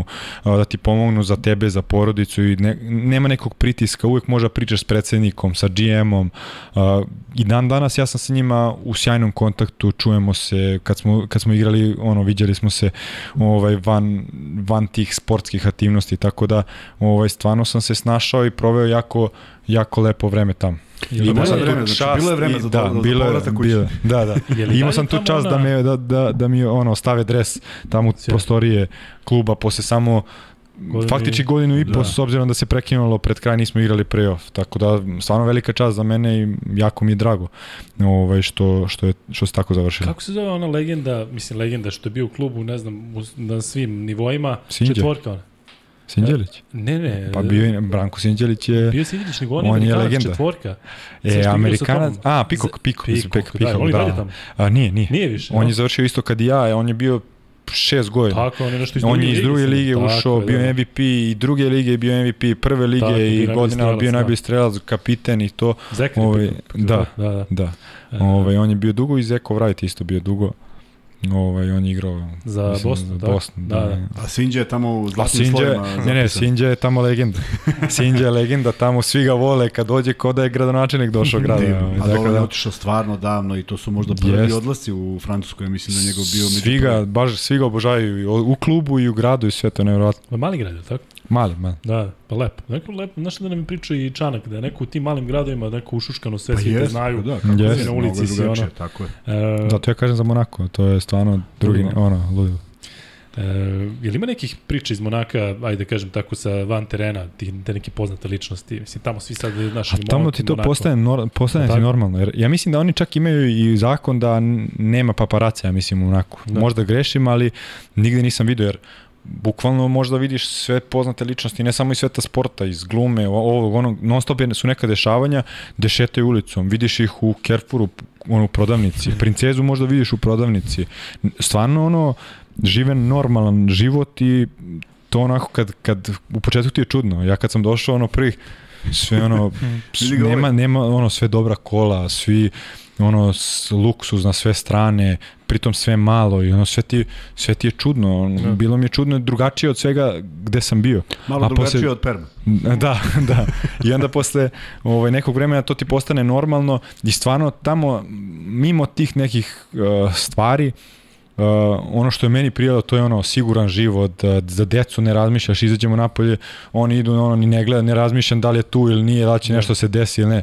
Te stvari, škola, organizovanost, čisto ono najbezbedniji grad. Uh, pritom mali, sve imaš sve, a sve ti na jednom mestu, tako da stvarno je fenomenalno. A to za poznate kažem ti ono, bukvalno postane ti normalno da Navikneš ih se, pa da. navikneš se da ih da ih uh, viđaš svuda svuda po gradu. E, ovo je ono što, što on kaže da je stvarno bezbedno i da si siguran. To je Da, naj, najveća stvar. Zato, verovatno zato i ovi teniseri koji idu tamo između Da, da, ostalog. mnogo, mnogo. Da, dakle oni tamo žive zato što znaš da ne moraš da razmišljaš ni o čemu gde bi trebalo da razmišljaš. Ja mislim da najviše ljudi mislim toliko popularni vole tamo da da idu i da žive tamo jer Si niko malo, ne može da, niko jer niko mogu da žive normalan život Svi su i žive normalno oni, da. da. žive normalno i niko ih ne smara niko ih ono ne saleće na ulici tako da ono stvarno Kuzma, ali imaš još nešto da pređemo na pitanja kojih ima IHH? E, Pa dajde da vidimo šta kažu gledalci. gledalci pričaju toliko. Ajde sad krenite ponovo sa pitanjima za.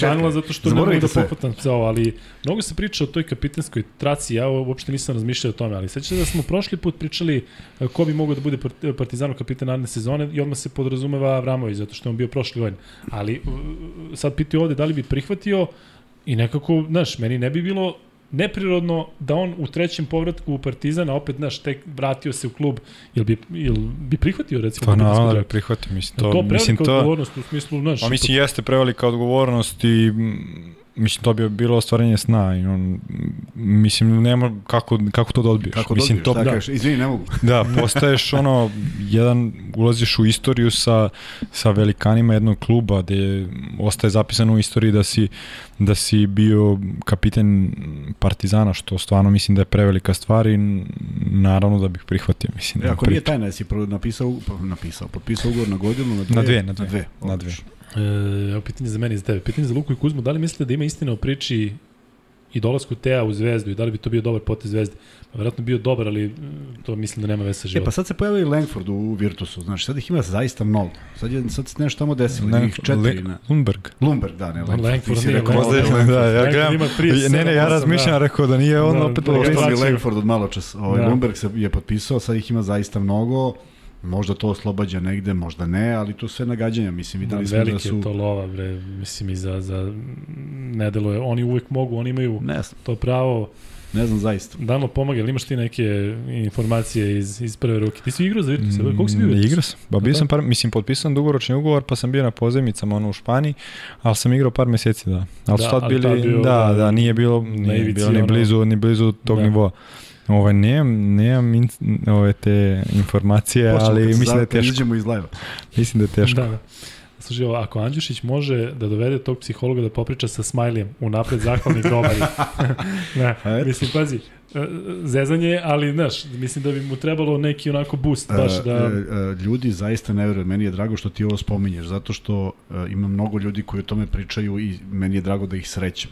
Ljudi sa ove strane, ljudi koji se time bave. I Pa ima i mnogo ljudi kako- koji pitaju, ali ne smiju da pitaju Ne, javno. tako je, I da. da pričaju o tome. I Me, oni zato, nude zato sam svoje i rekao, usluge, da. ali to zaista kod nas deluje kao da, znaš, pa gde ćeš kod njega, pa, znaš, zaista smo još uvek negde ostali... Pritom su jeftiniji mnogo nego u Americi kad odeš tamo pljuneš. Ko je? znači, Da, da. Samo kažu, isteklo ti, isteklo ti vreme. vreme. Tony Soprano daje koliko, 270 dolara je dao po, po satu, tako da ovaj, pristupačniji su naši. E, I meni jedan drugar koji ide kod, kod psihijatra kaže, brate, znaš koliko love daje? Kako se zovete? Ne, e, moguće da je ovdje. E, kaže, 5000 za sat vremena. I sad, znaš, mi razmišljamo, mislim, u Americi mogu da kažeš, dobar dan, dobar dan, kako, dobro, dobro. 5000. Izvoli, da. E, da. E, mm, dečko iskidao sa Burgom i bio odličan dok je bio Mitrović na klubu Monaka. Ali piti, piti ovde za, za e, Mitrovića i za Obradovića. Jel tu ima neki paralele, ili nešto bilo drugačije? Ne govorim sada o toj šok terapiji tima, nego tvoj lično odnos prema Mitroviću i prema, prema Obradoviću. Da li su to neki drugačiji sistem ili već kako odnos prema igračima, kako god? Pa imaju drugačiji pristup. Imaju drugačiji pristup celoj, celoj toj situaciji. Ovaj, pa da, to je, mislim, to je, ja sam to pričao s, cele godine. Mislim da je, da je to najveća terapija koju smo dobili, koju smo dobili u tom trenutku, jer taj neki pristup koji on ima terenu i generalno, ovaj, to je onako bio malo šok za igrače. Ovaj, jer ono, Saša je ono, disciplina na, na maksimum i ovaj i to to mislim da je donekle uticalo na na na tim. A, Da, promenilo je, promenilo je očigledno nešto na bolje.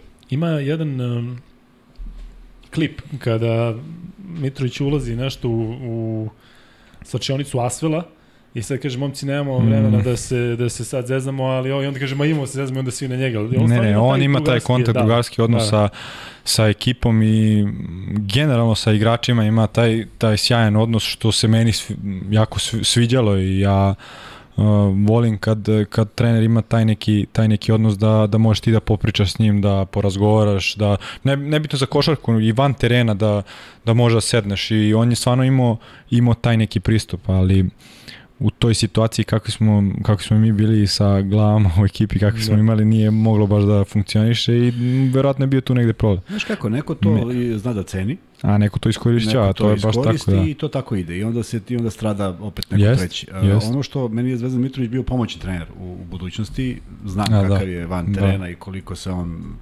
šali i uh, ovaj, sad kad je bila Euroliga, ovaj, gde je ovaj dres, ovde? Evo ga iza mene. Ovaj, kad je bila, učestvovao sam, igrali su novinari, pa smo mi ovaj, sa sport kluba učestvovali, nama je Zvezdan bio trener. Ti da čuješ za tih 20 minuta, količinu budalaština on- koju on izgovara, on- to je, pazi, svi se smeju, ali on priča na engleskom i sad svako čuje, ne, ne možeš trčiš normalno.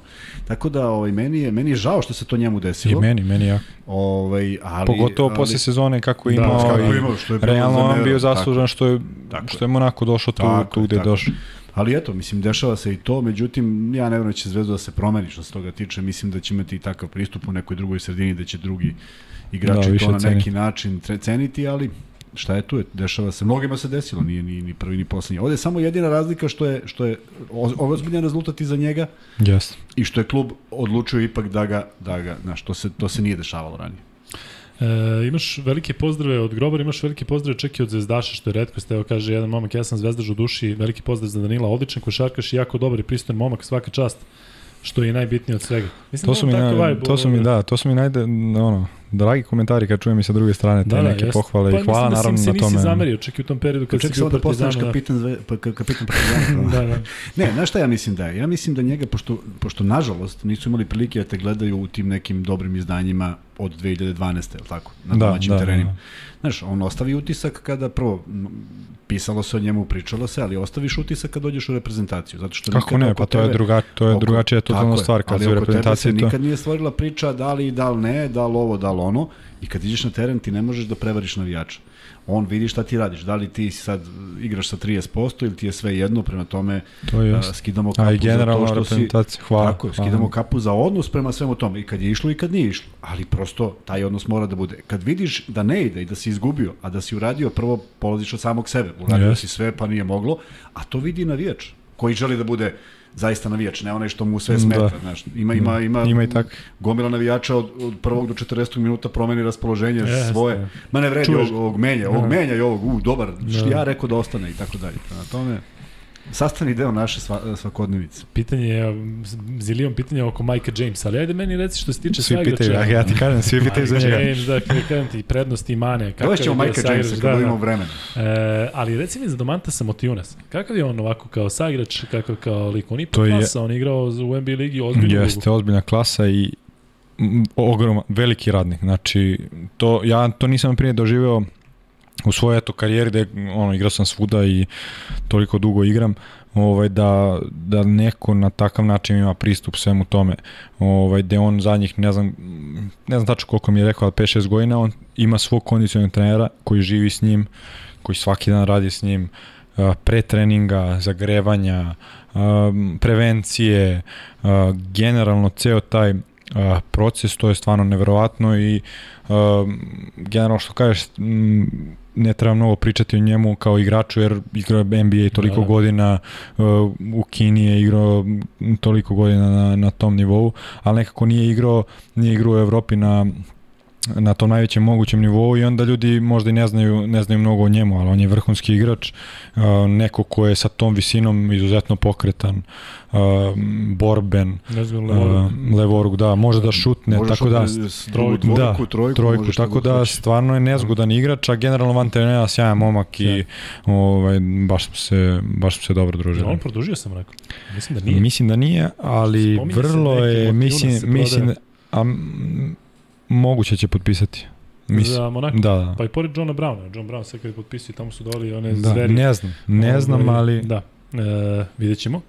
E, pozdrav za Luku Kuzmu, pitanje za sjajnog gosta, da li vidi sebe kao lidera ekipe u predstojećoj sezoni, kao što se mi navijači nadamo da će biti? pa ja ću se truditi od prvog dana da, da, da to budem i da, ono, bit ću jedan od iskusnijih što će biti ovaj promena do sad. Da, da, Ostario da, sam. da, da. Pa ću se truditi da ono svojim primerom a, pokažem nešto i da da utičem koliko mogu na na ove mlađi da za, ja kažem da zajedno da zajedno rastemo i da zajedno pravimo taj još neki korak napred. E, kakav si sa Vramovićem? Kaže da stigli zajedno. Su- on, Ono super da, baš. je to jako bitno. Da Baš E, baš taj vibe, baš smo mislim super da i bi ono. Kao dva najbitnija domaća Da, igrača. ali mislim Evo da je pozdravljam bitno- Avram ovom prilikom. Idem na svadbu kod njega u subotu I tako on se da. Ima neko I da on- se, žele. svi se žele. Da.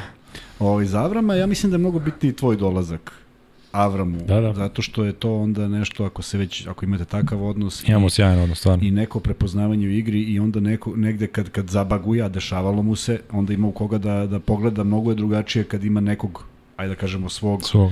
onda malo može da smiri. Ja mislim da to tako izgleda otprilike. Ne, ne mislim negativno, ali jel ima neke, meni deluje po toj nekoj emociji, nikad ne znaš, ili ima neke sličnosti između njega i Jamesa? U smislu na terenu da je sav, pa odjednom onako, jel, jel ima tih onako Ne, toga? pa? Ne bih rekao da ima sličnosti, ali Avram je, Avram je uvek pun energije, uvek Struja, je na struju. Da. Previše energije. Uvek je na Da. struju, što ja obožavam stvarno Da. kod njega. E, pitanje za Andjušića, šta je to tačno donao Saša Bradović sa njegovim dolaskom, s obzirom da taj isti posao nije mogao da napravi sa Zvezdom? Pa ja mislim da generalno Uh, to je ono što smo pričali, mislim da kod nas druga, mnogo je teže u, kod nas i u našoj situaciji napraviti tako nešto sa svim tim pritiskom koji ide u sve to, pritom tad je bila na COVID situacija, nije, nemaš Nije navijače, imao nijedno navijače, da, nijednu utakmicu. što nije- mislim da je Jeste, da, to nije generalno za. Zvezdu, ge, da, generalno za Zvezdu i Partizan to je Jeste. jako bitna stvar, pogotovo u Euroligi. I onda se desi da, da dovede toliko Amerikanaca, što mnogima se ne sviđa i mnogi imaju pravo da... I povećava se pritisak. I povećava se samo pritisak. Ovo ono, izgubiš neke koje, utakmice koje, koje ne bi trebalo i... Ali da se Desi se to što se desi. Ti ovo sad pitaš i potpuno logično pitanje. Međutim, mi, mi ne možemo, nikad ne možemo da znamo da li je Sale bio isti ovde i tamo. Da li je prvo on bio isti. Ja, da, je to ne mogu da, to ne mogu da. Jer gledaj, ja znam samo jednu stvar, znajući njega i A i opet zajedno. drugačije kad uzmeš ekipu od prvog dana i Tako kad je, uzmeš tako od po- na pola sezona. Ali da. ja mislim da ne postoji neko ko ima veću želju da to uspe. Sigurno. To, Sigurno to bez je, da. Što E je sad, nekada kontraprodukt. Upravo to. E, i onda Jeste, negde, ja sam ono krene, svedok i koliko generalno mislim, nikada mi nije rekao, ali mislim i kad smo dolazili ovde protiv Zvezde i to koliko mu je teško palo Da, sve to što se tako završilo Da, da, jer pa sigurno. Rekao je on posle. Da, posle je rekao, kaže, da, Pa da. sigurno da jeste, zato kažem, on je to najviše želeo. To se nekad pretvori sa svim tim pritiskom, sa nedostatkom navijača, sa, sa opet izgubljenim utakmicama u posljednjim minutima, dve, tri lopte, ničije, ni, ne pripadnu zvezdi. Dakle, sve je nekako išlo ajde da kažemo bez veze. Ali da postoji prvi na listi koji bi želeo to da uspe, mimo svih igrača koji su posvećeni zvezdi, to je bio on i e, odlazak na polusezoni, to znači da ne možeš sada da, po, ne možeš ti sada poremetiš ceo taj sistem i da kažeš sad ćemo mi to sve iz početka. Znači onda se prilagodiš, pa onda on vidi kako reaguje ekipa, pa možda ublaži neke svoje drugačije, stave. Drugačije, drugačije, jer kad potpuno, imaš, kad, kad ti praviš ekipu i kad krećeš, tako, moje mišljenje, drugačije je, imaš naravno. neka očekivanja, Mora... hoćeš kako moraš da postaviš neke stvari, a ovde već si pratio, znaš šta se dešavalo i onda verovatno još je on upoznat i sa Monakom da, i on je, on je bio trener i da, vratio, vratio se, tako da... I, I još jedna vrlo bitna stvar, sad pokušavaš da iskoristiš to vreme, da iskoristiš tvoje najbolje igre. Da. Ne ideš sad ti u kontru, sad ćeš ti da pokažeš nešto novo što ti treba da naučiš. Ima vremena, kad se završi ova sezona, ako ostaje, onda onda ideš dalje. Ali vrlo je bitno da svaki trener u takvom momentu iskoristi šta ima od ekipe, ne da donese da. još nešto teže. Pitanje za Danila, da li smatra da je trenutni Partizanov sastav konkurentniji od Monaka za top 8 ove sezone u Euroligi? Kako pa da, jako je, mislim, jako je teško sad praviti neke komparacija i paralele sa timovima, jer ono, sezone nisu ni počele, nisu ni počeli ni pripremne utakmice, ni bilo šta. Ono, stalno ponavljam i na početku isto da potrebno je neko vreme da se sve to sklopi. I jedan i tim po sastavu deluje sjajno i Monako isto je potpisao sjajne igrače, doduše dosta mladih ima u tom, u tom sastavu, ali opet isto igrača sa, sa ozbiljnim iskustvom i oz, ozbiljnim pedigreom, što bi rekli. Ovaj, tako da, mm, jedan i drugi tim deluju za sad na, na papiru jako dobro. Teško je jako napraviti. Da, biće, biće mislim generalno Euroliga će biti, će biti interesantnija. Ovaj, interesantnija. Ja ne mogu dočekati, majke moje. Znači, pazi, imamo evropsko prvenstvo, pre toga ove prozore, pa evropsko pa prvenstvo. Mi ćemo pre čoveče da propadnemo. Mi, mi, aj ti bolje idemo na odmor sad dok može, zato što posle neće. Pa, samo, nema. Jedan, samo jedan komentar na ovo što si rekao. I, i Makabi imao strahovitu ekipu pre 5-6 godina po imence, pa ništa nisu da, uradili, Makabi. dakle, Makabi. Makabi svake godine pa, ima upravo, ekipu, pa ali bukvalno pa, upravo. i sledeće godine imaju najjaču ekipu ikada. Ali ove godine su potpisali 10 igrača u 5 dana. Igrača, da, svi, svi će da pojedu jedno. To je Sedlačak u komentar u studiju od pre neki dan, kaže ja to nikad nisam video. Jer pazi, neko je morao dobro da igra. Pa nije Makabi bio u top 8 zato što da. niko nije ništa znao. Ali bukvalno šta god treba, kogod vide na free market ne, samo... Ne, ne, meni se to ne sviđa pa, mislim da opet smo Armani i oni, da. kažem ti, uvijek imaju najče moguće sastav da. u tom trenutku. I ništa se ne desi. Pa da posebno Makabi, ali ono, mislim da je, da je bitan faktor to što je Odet Kateš trener, pa ako neko može da, da e, ima veliku težinu tamo kao njihov, kao Izraelac, a opet kao legenda, da. Vidjet ćemo, da, vidjet ćemo, odličan igrač, naletao Ali opet njega. to može da bude isto i veliki Jest, pritisak. Veliki, da. tako je. Naletao sam njega kad igrao za, za Panathinaikos. 1-0 za Panathinaikos protiv budućnosti, 3-4 razlike za njih, mi dobijamo 14 i onda treća utakmica, mi fokusirani na Bodirogu, Rebraču, sve ove. Onda I on. Da. Ušao Kataš, nije igrao dve utakmice, ušao tu treću, na, ne znaš na koju stranu ide uopšte. Gde bi, ne znaš odakle bi. On je imao jako ozbiljne povrede i to mu je skratilo karijeru, ali bio izuzetan igrač. Danas sam prenosio ove klince iz Realca do 20 godina, imaju baš pristojnu ekipu. Dakle, izbacili su, ušli su polufinale, pitom je Kershon, to je ne znam da li je nešto u sastavu, bio je ovde na ovom Adidas Next Generation, Dakle, imaju dobrog trenera ovoga Haronija, kažem ti, mislim da Izraelci mogu u narednom nekom periodu da daju nekog svog igrača koji će biti ne samo Deni Avdija koji je bio onako jednu sezonu. Pa, pa oni su i bili prvaci nešto sad na evropskom do 18, da, 20. Da, nešto ostavio, ostavio neki trak. E, Danilo, e, pitaju ovde ljudi za razliku između e, arene i pionira. Tebi kao igraču. E, ne znam, jer ja ni, nisam imao prilike da igram u arenu. Nikad?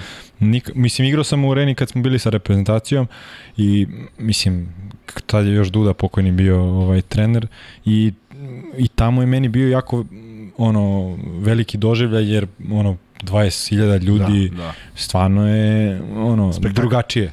Ovaj, ali pionir, tako da ne, a, ne bih mogao poredim Partizan i Zvezda, jer ono, igrao sam, u stvari lažem, igrao sam protiv Zvezde sa, sa kazanjom u areni.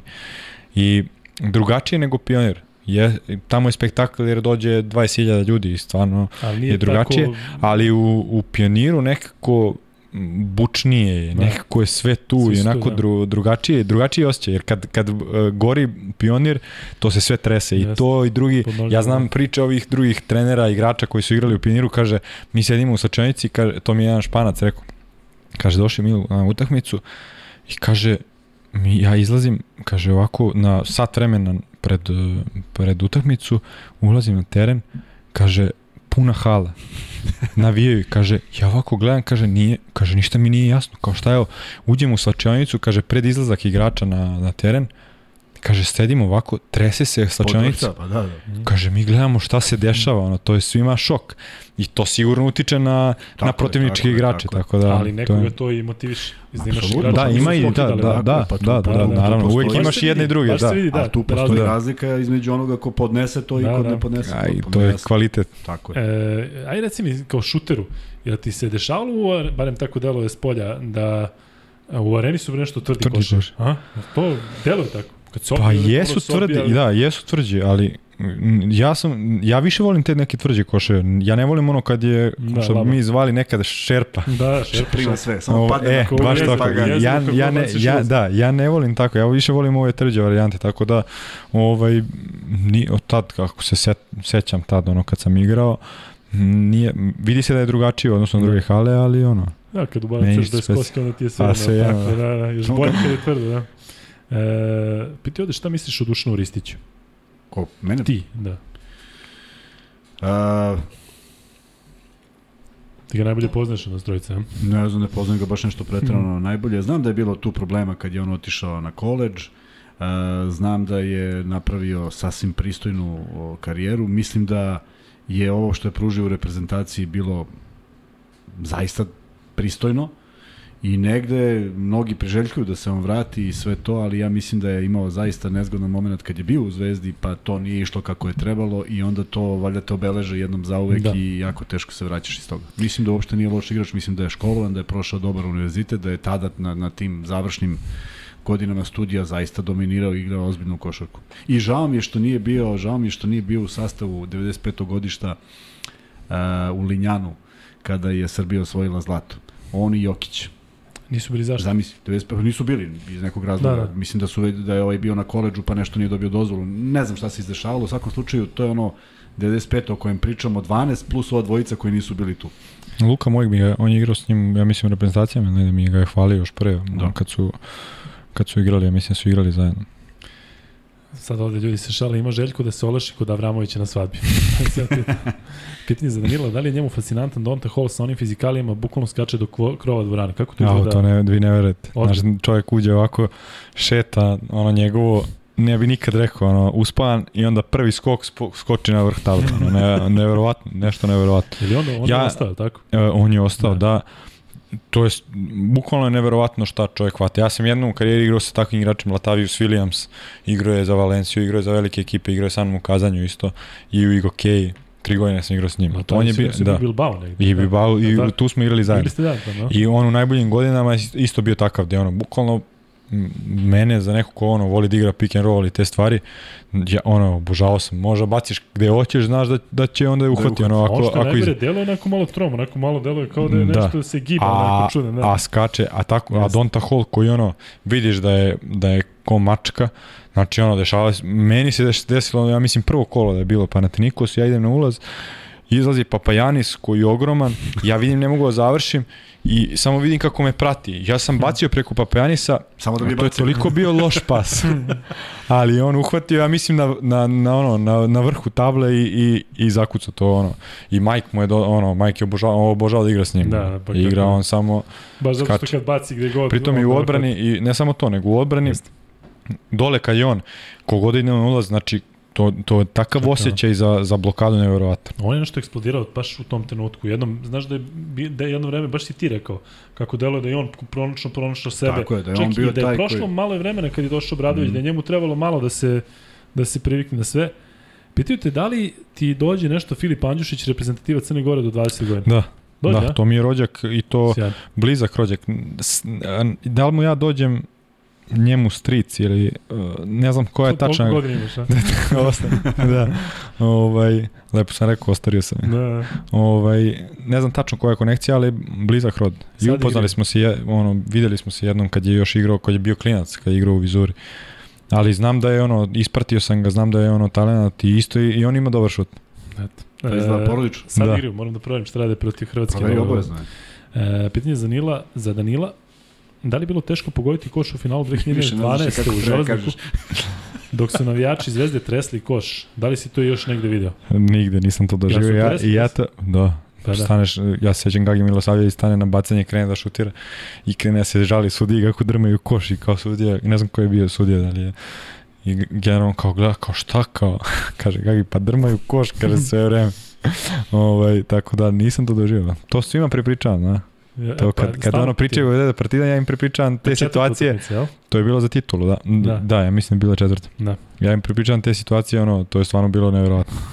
Ta atmosfera, to je baš teško doživjeti negde, ono. Tresli su i Jer su- ti Tresli koše? Podgorici, svako- tebi malo, Ok, da, ali ono, generalno ovo železnik gde su ti bukvalno na, na glavi. na glavi, ono, šta se sve dešavalo, ono, Da. tu, mislim, a bilo je slatko na kraju kad smo uzeli Da, titulu. pa tako je šlađ. E, ko je bolji jedan na jedan, Langford ili James? Eto, vidiš sad. Pa et, no, je, baš kao što sam rekao, ne bih znao, ono, meni je Kit mi je uvek bio ono na broj jedan. Ono. Ali To- on to delo da sam više igra number na one. foru, a James ide više na brzinu. A? Da, James ono brz i eksplozivan Da. da. i o, teško ga je uhvati, uhvatiti, a, a Langford uzme i voli da te ono ljulja, da te cima, Da. da. zastane i u tim situacijama ti nikad ne znaš da li će da na prodor ili da li će šutne. I još je imao neki šut malo Jeste. onako Da voli kao to- fade away le, levoruk gde ne možeš da ga braniš, bukvalno.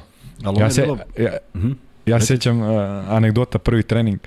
Ovaj, ja, ja došao u Kazanj, za dva dana igramo sa Realom i sad ja prolazim s, cijelu noć putovao, nisam spavao, dolazim u Kazanj, uh, ceo dan pregledi ovo ono i pravo na trening. I bukvalno treba da odradim jedan trening i sutran ovaj, igram utakmicu. I upoznam se, znao sam na primjer Kino Kolom, igrao sam pre toga s njim, Latavius isto. S njima sam se znao, a s ovima onako samo s terena. Ja dolazim, kreće trening, kreće 5 na 5. Št, I čuvamo se nas dvojica. Šta je on meni radio taj trening? Još ja onako umoran, ne znam gde se nalazi. On je trenirao, ja, ja, ne, ja, ono, ja nisam vidio, ja rekao šta je ovo? Ja završavam trening, Kino se smeje i Latavius i dolazi kaže, kaže, znaš ti, kaže, ovo mu je najbolji trening u posljednje tri godine smo imali. To je tačno da da. pokaže ko je glavni ko je tu, glavni, da. ko je glavni Jeste. tu i ko je, ko je prvi i dan danas ono, ono imamo baš dobar odnos i čujemo se i dan danas ono ovaj sa, sa Kitom i generalno to neko vreme, vreme provedeno s njim je jako značilo, ono, s, m, imali smo dosta razgovora, uh, jedan na jedan, ono, o košarci, o igri, o nekim njegovim razmišljanjima i, ono, do, dosta toga sam On naučio isto. neko u Aziji, je tako? Negde Nije bio Kini u Ajku. U Ajku? Da, da, da, u Ajku. A na- vratio se bio. počinje. A njegov... A prošle godine sa 36 ili 7 Da, godina da. bio najbolji strelac, ja mislim, ove š- Lige šampiona. Njegov brat je dobar igrač, samo nije napravio ništa nešto zbiljnije. Znaš E, to ne razred? Da, on je nešto, baš brata gleda onako ko Boga, nešto nije napravio ništa konkretno, tako da... Ona jedna godina kad je Langford igrao, kad je, kad je bila Euroliga, ali tako, on je zakačio tu jednu godinu. Unix je bio jednu Jeste, godinu. jeste bio, tako, E, o, to je bila poezija. Ja zaista sam uživao. On je igrao po 37 minuta, potirao je sva pravila, ono što Mm, svi igraju po 25 maksimum, on je igrao 37-8, ali sa takvom lakoćom i on pronalazio koš Ne, ne, to je nevjerojatno 2, stvarno. 3, potpuno sve jedno. Kako je znao da te neke situacije Da reši, iskoristi da. za faul, za. Znači, to je stvarno baš ono, i kako proučava svoju igru i svih, svi ono misle, generalno kad bi ga vidio na treningu nikad ne bi rekao, jer ono, trenera lagano, ovo ono, 5 na 5, još u, to, u tim mnogo, mnogo utakmica, nemaš ni vremena i onda svi misle, ono, boli ga uvo i to je to. Međutim, on na sebi radi van tima, sam, individualno i tim nekim stvarima i, i generalno, na primjer, koliko gleda utakmice svoje, koliko gleda šta je mogu da uradi, gde je mogu da uradi, to je stvarno nevjerojatno. Daj da ga dovodimo u Partizanu, da? Matorimo, da, Da, da prema. ne verujem mi da bi on, da on ima 20 pojena u rukama i sad za 38-9. E, Danilo? Danilo. Da, Da. Da? Danilo. Da. E, pričaj malo o toj sezoni. E, ima ovde još pitanja, ali mene zanima kada već pominjemo malo, malo po Euroligu. Koliko je sa igračke strane katastrofalno za telo, za, za psihu ovaj ritam utakmice? Još Generalno mi igrači- Francuskoj završili poslednji. Da, to je ovo kraj francuske lige, to je stvarno bilo baš je bilo teško jer ono vidiš sve sve lige se završavaju, Da, ti još da, igraš, ono stvarno je ono nije lako.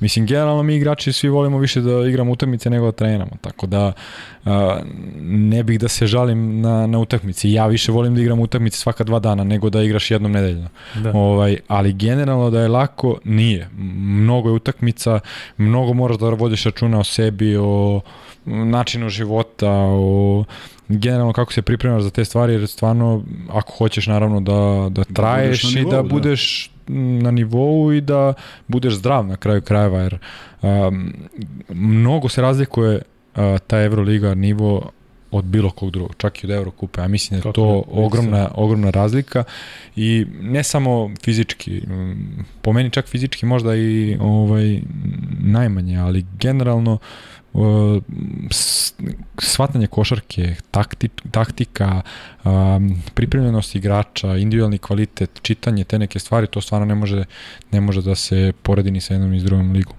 Plus na to imaš taj fizički deo koji moraš da, da ispratiš, što nije ni, ni malo lako, ali Pričao nam je Luka Mitrović, a reci nam i ti, je li zaista tolika razlika kad igrate Euroligu i onda igrate francusko prvenstvo protiv neke ekipe? Jeste. Sad, da je to kvalitet da ne može da se poredi. Da, da, Baš baš, se vidi, baš, da. baš se vidi. Ovaj, a u, samo što je u Francuskoj to drugačije. Na primjer, u mnogim drugim ligama ti imaš timove gde, ok, veliki je kvalitet i ti znaš da ćeš da dođeš na utakmicu i da, da ćeš pobediti kako god, da ćeš dobiti utakmicu i, ono, i na taj način i, i igraš. A u Francuskoj, to je neverovatno, ja to nisam vidio doživio ni u jednoj ligi. Ovaj, uh, igraš prvi sa poslednjim, poslednji dobije prvog i to je ono Da, normalno. Neizvesno to je liga. bukvalno imaš takve utakmice da su da igraš sa to s- katastrofa ekipom, us, katastrofa u smislu uh, na papiru i generalno na tabeli i onda dođeš u situaciju da da jedva dobiješ ili da da izgubiš neke utakmice koje realno bi trebalo da dobijaš da ne razmišljaš. Tako da Francuska je jako zanimljiva liga generalno. I fizički je od uvek bila drugačija Jest, od svih jest. ostalih liga u Evropi. njihova B, B liga u, I B sasvim liga, korektno. da, da. B liga Jeste. je baš korektno. I generalno organizovanost timova i sve, Da. da. mislim da je stvarno na, na jako dobrom nivou. Naravno, sad te ljudi vide u Partizanu do kraja karijere, ali bi volao da se u nekom momentu vratiš u Francusku opet u tu priču. Sad, sad je sulu dogovoriti sad, ali jel negde, Da. jel ti osta, kada pogledaš sve lige gde si igrao, gde bi se najviše vratio ono što se tiče svih uslova? Pa u Špansku. U Špansku? u ACB. Jer po meni ono ACB je naj najbolja liga u Evropi po, po svemu i po košarci, život generalno i njihov mentalitet i način života je dosta sličan nama, ja sam se tamo osjećao ko, kod kuće. I generalno sad kad odem u Španiju se osjećam kao da sam svoj na svom, ovaj, ono, još pričam jezik i to je onda ovaj, nekako tamo bi najviše, najviše voleo da se vratim, iako mi u Francuskoj stvarno bilo fenomenalno, fenomenalno tri godine ali ovaj Španija bi bila zemlja u kojoj bi se vratio. Piti ovde, da li se sećaš kad si veselom razbio zube? Šta je to? A nisam ja, to ljudi, pa kad je bila tuča ono Hemofarm Partizan. A, to je to, da, ne, ljudi Da, se već vraćaj se na to, ali nisam ja taj bio, Ne, to je bio da drugi. nije neki lakat nešto. Da. Ne, ne, da. E, e, ajde malo o hemoformu. E, ti si u hemoformu počeo, tako Da. da. to je prva profesionalna sezona. Jeste. I, U stvari počeo sam, da, pot- potpisao sam profesionalni ugovor sa, sa Hemofarmom, ali sam otišao u Megu prve godine. Tad je Steva Karadžić bio trener i meni je dra, jako drago što u priči sa mnom i sa, sa mojim ocem je odmah on rekao na početku da da bi voleo da mi da šansu, ali da s obzirom na uh, tim, na starije igrače, na upravu koja želi rezultate, nije siguran koliko ću ja minuta dobiti, da sam ja onda rekao, ok, onda nema poente da ostajem, hteo sam da idem da igram i ovaj, tada sam potpisao za Megu i tad sam igrao prvu, prvo Megu, uh, taj uh, celu ligu i pred kraj lige kad je počeo play-off ja sam se vratio u Hemofarm i tu sam krenuo u Hemofarm ovaj, u Hemofarmu taj, taj profesionalni mi se profesionalni uvek iako- rado, rado se sećamo tih klubova koji više ne postoje, ali ko je tad bio u timu u kom si ti bio u hemofarmu? Uh, bio je Mačvan, bio je Miljan Pavković, bio je Krstović, bio je Bobi uh, Raško Katić, bio je i Bobi, Bio je Bob. uh, bio je, ma, imali smo ono, Pef je. Pef je bio, uh, bio je Nije bilo stranaca, bio je jedan stranac, uh, tako bio je Roll Marshall jedne godine, Roll jedne godine, Marshall. kakav igrač, i, Marshall? i on je bio igrač u Bio lici. kakav šuter što je tamo nešto tuko se u E, Hrvatskoj. uz ove sve koje si spomenuo, Nije Da. bio Marshall je bio Ma- dobar. ma- I on je bio u bici, bio i on je sila, bio- nije imao 60 kila. Da, da, veze. jest. Da. Tako da, i, ono, da ne zaboravim nekog, ali baš smo imali ono tim, tim, a?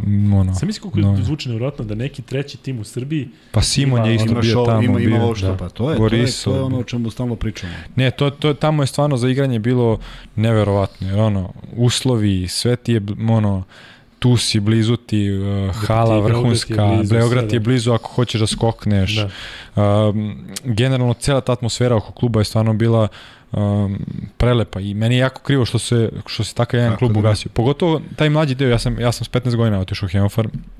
Ovaj tamo sam eto bio 5 godina, 4-5 godina, ok, bio sam na pozajmicama, ali sve ukupno ovaj sam bio 5 godina i stvarno taj period ono nikad neću zaboraviti jer i kažem žao mi je što se to završilo jer ono kako su organizovali mlađe kategorije, život Mlađe tamo i kategorije, sve. žene koje su bile I žene su bile, da. prva ekipa muškaraca. Stvarno je bilo, ali to je sve da, bilo dok je Miša Babić bio u klubu, da. pa da. Ali I onda kad je Miša, da da, i onda kad se Hemofarm kao kompanija pro- prodala Nemcima, oni nisu više bili zainteresovani toliko za košarku. Još je Miša, još je Miša tražio Miša, da bude da. četiri godine da, Da. bude finansiranje. Da. Pa je još Da. postojalo. Da. I onda onog prvog dana kada je to isteklo, Da, Miša je pokušavao da to drži koliko ja znam ono u životu, ali s obzirom da se on povukao, više nikog to nije toliko zanimalo i to se ugasilo, što je jako velika tužno, šteta. tužno. Mnogo Pogledaj, igrača su pogledaj, izbacili, Pogledaj mislim. broj imena, pogledaj imena Nevjerojatno. te generacije, Ja gde se su sećam, svi da, igrali. ja, ja se sećam, ajde te moje generacije, ali najviše te generacije mog brata koji je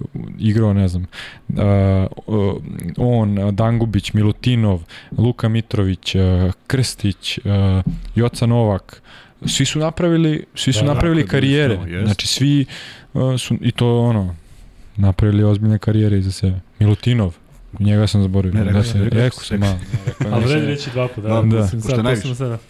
E, kad zaradimo pare od podcasta da tamo aktiviramo opet priču. Moramo možda- nešto možda- da uradimo. Dakle, sa, da vidimo, Treba će nam malo vremena, ali treba će, treba će. To je da, jedna od ideja. Da. E, kaže ovde Ceni Grobar koji stalno dok sam se kladio, Langford je bio sigurica na 24,5 granice. Da se igra po...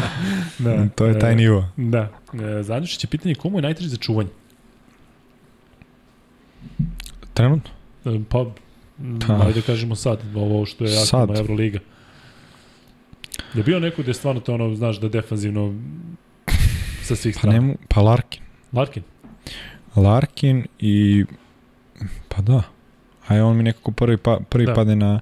zaista je pamet. najbrži. On ja mislim Da. da, on od udara od svih. Jako je- jako kad je brz. James Seriju. brz, Da. brz, ali ovo Ja bih rekao ima- James, ja bih rekao, Rekao da ja bih rekao, ne, nego ja bih rekao Aha. Mike, kad bi me kad bi pitali, ga- ali, da. ovaj, ali generalno od protivničkih, pa ajde da, rekao bih on. Da li po vašem mišljenju Partizan ne treba više dovoditi igrače da ne bi ugušile uloge Madara na pleju i Koprivice na petici? Eh, sad ba nisam, Ovo je jer to za, za sve. ku, za sve, ba ja Da, mislim, ne, ja ne bih komentarisao to. mi- Ne, ne, ne, naravno, tako naravno, da- ovo je- ovo nama Shvatit ćemo negdje u nekom stalno. momentu kad je kraj. Danilo, uh, ajde nam uh, reši da li Dan Tegzum igra na jedinici ili, ili na dvojici.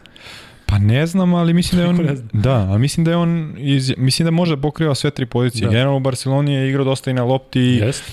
Sjajne Da. da. fizičke predispozicije ima, ima dobru kontrolu lopte, dobro igra u tranziciji, tako da ovaj i koliko sam video, on je izjavio da da u razgovoru da sa Željkom, verovatno sa Željkom da da će mu prija ta koristiti da da će koristiti da će ga dosta koristiti na poziciji vidjet 1, ćemo. tako da da je iskreno ne znam. Ovde ljudi e, komentarišu kako se znalo za tebe odmah čim si se pojavio da imaš dobar šut, ali koliko se tebi čini da si napredovao defanzivno ovih od kad igraš? Pa mnogo. Jel, Pogotovo zadnje- radio na tome Jesam, pogotovo zadnje, ajde kažem 4-5 godina, uh, najviše na primjer u, ka, u kazanju druge sezone, jer kad sam ja došao, to je bila polosezona i tad smo igrali Euroligu i sve je bilo ok. Na, na leto uh, se promenio trener, promenilo se sve i uh, došao je Priftis, koji je imao svoju viziju ekipe i mene u početku nije video u toj, u toj, u toj, u toj situaciji ja sam imao ugovor, nije se pojavila neka ovaj opcija gde bih ja otišao i generalno ja sam odlučio da, da ostanem i da, da se borim za, za to mesto u ekipi. I mislim, generalno ja Priftisa jako cenim i poštujem baš zbog toga što, što se desilo što ću da ispričam.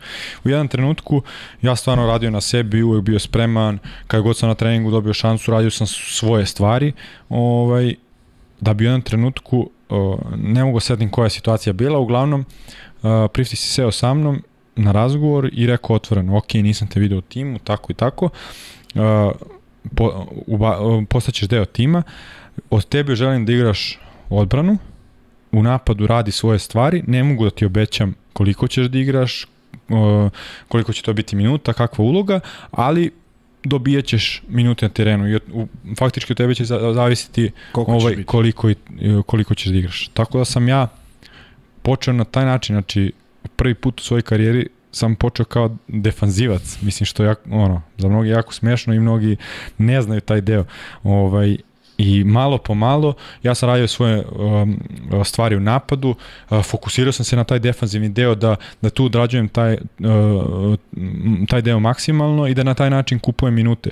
I na kraju sam došao u situaciju da sam bio jedan od standardnih u tom trenutku, pogotovo u Eurokupu gde ono nemaš uh, limit stranaca, ovaj, gde sam imao svoju minutažu, čuvao sam najbolje igrače, dao mi je najbolje igrače da čuvam, ovaj, tako da to je bilo jako nešto novo za mene, ali mi je bilo drago da, da sam mogao da pokažem da, da, da, i, da mogu i taj, Tako. taj deo što i mnogi dan danas pričaju za, za, za moju odbranu i te neke stvari. Ne, naravno, meni odbrana nije najjača stvar i ne mogu kažem da sam odbranbeni igrač, ali ovaj, mislim da sam taj deo digo na, na, na jedan dobar nivo, što sam pokazao na kraju krajeva i, i ove sezone i kažem, cenim ga i poštojem ga jer je promenio svoje mišljenje što mnogi treneri ne, ne urade iz svog, princip, iz svog principa. On je to uradio i čak i na kraju sezone uh, mi je rekao da mu je jako krivo što je što je imao tako razmišljanje, što se sve tako izdešavalo, da je znao drugačije bi je. Uh, čak smo imali par puta neke priče da, da zaigram ponovo kod njega, tako da ono, ovaj, Um, jako mi je dragi kao trener i kao čovjek baš zbog tih stvari što uh, sam prvi put tada doživeo da je neko od trenera promenio neko svoje mišljenje na osnovu onoga što je video na na terenu da, da, da pruža. Ne dešava se to često. Ne. Nemoj kod njega, Baš mislim to. da on sad bez kluba, tako? Ne, ne mislim da je u Tofašu. U Tofašu? Mm, Od ove sezone sad? Sad, da, sad, da, sad. da, pa znam da prošlo nije bio. Um, pita ljudi ko je sada najbolji defanzivac protiv koga si igrao? Ko ti najveće problema zadi u odbranu? Ili ima nekoga koga možda izdvojiš? Uvijek ta pitanja, a to su jako teška pitanja. Jer, ono, pa ovde samo igraš, teška da, pitanja. ovaj, uh, defanzivac, pa uh, iskreno ne, ne, ne da bi, neko, ne kad ga vidiš i u Francuskoj možda ligi, da vidiš da je neko baš onako da će da ti da ti uzme dušu, što se kaže. Ne pada ti niko na pamet ovako. Ne pada mi, baš mi ne pada niko na pamet ono na prvo. Ako se setim, ajde rećemo, ali ja na prvo mi, da. na prvo mi ne pada niko ono Da, Kobe Bryant, kada su ga pitali i onda smo svi bili zabezgnuti kada on rekao Tony Allen, ono, znaš, znaš da ima problema sa njim, ali nekako u glavi uvijek, ko je tebi naj, da te čuva? Ti si Harise pominjao da, da ti nije dao mira ono na, kad stigli, ja ne, ne, naj, najteži, Pera Božić, znači dosadan, A, Pera, da, dosadan, da, da. nenormalno dosadan i Vesa Petrović koji nije znao za blok, prosto da. ne može niko napravi blok. Prolazi, Svaka mu čast kako je prolazio, da, ali to su zaista bila nadigravanja gde, gde su dva stila. Vesa ipak imao i zbog gabarita i svojih kretnji, on je tako rušio sve oko sebe, ali mislim da sam mu to jednom i rekao, skidan kapu šta je on sve uradio u svojoj karijeri, ne sa nekim preterano lepom igrom i lepim da, i talentom, ali ali neviđen rad, neviđena neviđena posvećenost i stvarno kad bilo je tu još mnogo dobrih igrača koji su mogli da odigraju odbranu, ali ih nije zanimalo. Mislim igraju je neko vreme pa nađeš kako da prođeš, ali Pera Bo, Pera Božić dođe na trening Beo banke i ja ga vidim u slačionici ono mi loš. Jer on neće se odvojiti, on će na, da, na dva sata da. da stoji tu pored tebe i kad kreneš kući on je negde tu ali ali Vesa od, od igrača, pošto je Pera samo trenirao s nama, još nije Pera počeo da igra, ali od igrača u ligi apsolutno Vesa Petrović. Komentar na odlazak Boriše Simanića u Saragosu, pitajte. Ej, vidi, ja zaista želim tom dečku uspeh, mislim da je trebao da posluša starije kolegu, možda mu nije to rekao, za nađe nekog psihologa, jer ja mislim da je njegov najveći problem u glavi. I ajde neka ga prođe, neka ta Saragosa bude njegova destinacija, zaista bi bilo divno da ga vidimo u nekom dobrom izdanju više od ovoga što je igrao i ove godine, apsolutno mnogo više od onoga što je uradio u prethodne četiri u Zvezdi, dakle da vidimo jednog Boriša Simanića koji, koji, koji ne svata koji kapacitet ima, da li će on nikad biti eksploatisan, ja ne znam, ali bih voleo da da, ga, da gledamo neke njegove, ne brojeve, ne sad on šutno, pa, nego neke pobede, negde da je on vrlo bitan igrač, negde da ima desetak, 15 double-double učinaka, jer sa onim, sa onom građom, ja, ja negde zamišljam da bi trebalo da mu padne lopte u ruku. Da, da. da, ne mora da skoči, nego samo da raši ruke, ona mora da padne. Ili si ne bio možda da ostanemo u NBA ligi sa posla leta? Jesam, jesam, ja sam, ja, to, mislio da ja sam to davno negde nekom rekao, ne mogu se setim tačno kome, ja mislim da bi za njega bio pravi potez da ga neko tamo zadrži. Ne bi, on misli da bi rešio svoje probleme i možda bi možda bi negde u glavi on prelomio da bude nešto bolje, ali, ali nažalost nije. Ovo možda bude pitanje samo za Danila, nije za mene, a nije ni za, za tebe. Za Vanju. Kako ti je bilo da čuvaš Iversona? Vi ste se zakačili Hemofan Bešiktaš, tako? Da, au, to je... je tako? Ja se uvijek setim Mačvana kako me ovaj, zezo postaje utakmice. Pošto ja postaje utakmice kad smo igrali, ja sam proveo pola noći samo tražim da nađem sliku sa njim. Jer meni je stvarno Allen Iverson bio uh, kad sam bio mlađi, bio mi je idol. Čak sam imao ono njegove postere po sobi. On i Miloš Uvenić. I sad to su mi dva. I dođem u situaciju gde gde ono igraš protiv Alena Iversona. U tom trenutku ono Zvezda, ono, to je bilo razmera, samo tamo, nije došao. Tamo nije, trebao da dođe u Vršac i tad je ono trebao da se napuni, svi kupili karte. Ovaj, igrali smo tamo i ono, ja prvo u, u, dolazim u halu, znaš, gledaš ono, da li, da li će da igra, da li je tu, gledaš ga ono, vidiš ga, ono, izlaziš na zagrejanje, on je klinac, ja sam imao 18-19 godina, 18 u stvari godina. O, I on, ono, razmišljam je, ono, gledao sam, imam, imam postere kući, treba da igram sad ovaj, protiv njega i stvarno bi bilo ono, naravno kad krene utakmica ti ne razmišljaš tim situacijama, ali kad se sve završilo, i kad smo ono završili utakmicu još smo mi pobedili ovaj yes. čak smo ga isreli posle u gradu isto ovaj pozdravili se meni je to bilo ja došao u sobu i sećam se ja Maki mi tad Maki mi bio cimer i Maki mi je ono šalio se kaže ja pričao posle svima kaže pola noći tražio sliku sa Eversona Tako Ali da. vi ste dobili tamo, Pavković je nešto bio na posljednjem šutu njegovom, I o, ja, ne, se, ja se ne sećam. Ja baš se sećam Pavković, ne sad Šta Luka šutira ti, to je to je neverovatno. I sad on ovaj ne znam da li Iverson je promašio mislim nešto za pobedu. Dao je nešto, sećaš da ne sećaš se uopšte da je dao neku trojku, pa još jednu pa je bila Dao je, ne, pa sećam da. se da je dao nešto, al mislim šutno je dosta i, i mašio i to onda je jeste, dao jeste, nekim bitnim trenucima, da. I Miljan ovaj kako ovaj šutira, mislim da nije gledao njega, Iverson sada pada ono njegovo, i Milja ne mislim da ne gleda, nego mu pruža ruku da ustane, znaš, to, takav respekt da imaš prema, da, da, ovaj, ali da, eto vidiš, lepa, lepa priča za, nisam znao da ti je bio idol, to je baš da, onda... Da, da, to je, mislim, Jesi imaš po, još nekada taj, da igraš baš protiv nekoga koga si tako gledao ili da se susretneš sa nekim ko ti Pa imao sam, nisam imao s, da se, su, možda u stvari jeste, Navaro. Navaro je isto jedan od omiljenih igrača kada sam bio mlađi i onda posle kad sam došao u Partizan sam imao priliku da igram s njim, da pričam i to i to mi je isto stvarno bilo ono ovaj velika stvar. Ali uh, Vujanić na primjer jako mi je bilo drago da uh, kada sam se vra, uh, kada sam da kada sam se vratio u Partizan ja mislim da je on on bio uh, tu pomoćni trener. Pomoćni trener, da. Da. Ja mislim da je to te godine. Uglavnom susreli su nam se putevi i uh, upoznali smo se. Ja sam čak davno dok sam imao, ja, ja mislim 11-12 godina, ja imam njegovu uh, trenerku Skipper preko, preko njegovog brata od tetke, čini mi se, nebitno. Si dobio. Ovaj sam dobio jer ono je mi je bio idol i onda sam imao priliku da ono da i da treniram s njim, da pričam i ovako privatno smo se ovaj viđali jedno vreme i što mi je stvarno bilo isto ono Kako velika da stvar. E, Prikačni prešao u Gironu, raspada se Cibona, to javljaju evo sad. E da, naše. samo kad, aj kad si kod te Cibone, neko je postavio pitanje, opet zaboravljam imena, ali hvala na svim pitanjima, ima ih zaista mnogo koje dobijam preko Instagrama i ovaj, ostao sam dužan i rekao sam još u prošlom podcastu da ćemo pričati o tome sada, pošto imamo gosta, opet nećemo mnogo zakačiti Jadransku ligu, ali pitao je da li će Jadranska liga biti nikad jača. Ako nestane Cibona, nestaje jedan veliki klub, bez obzira u kom da, je on sastavu bi igrao, bilo, to je bilo zaista jezivo.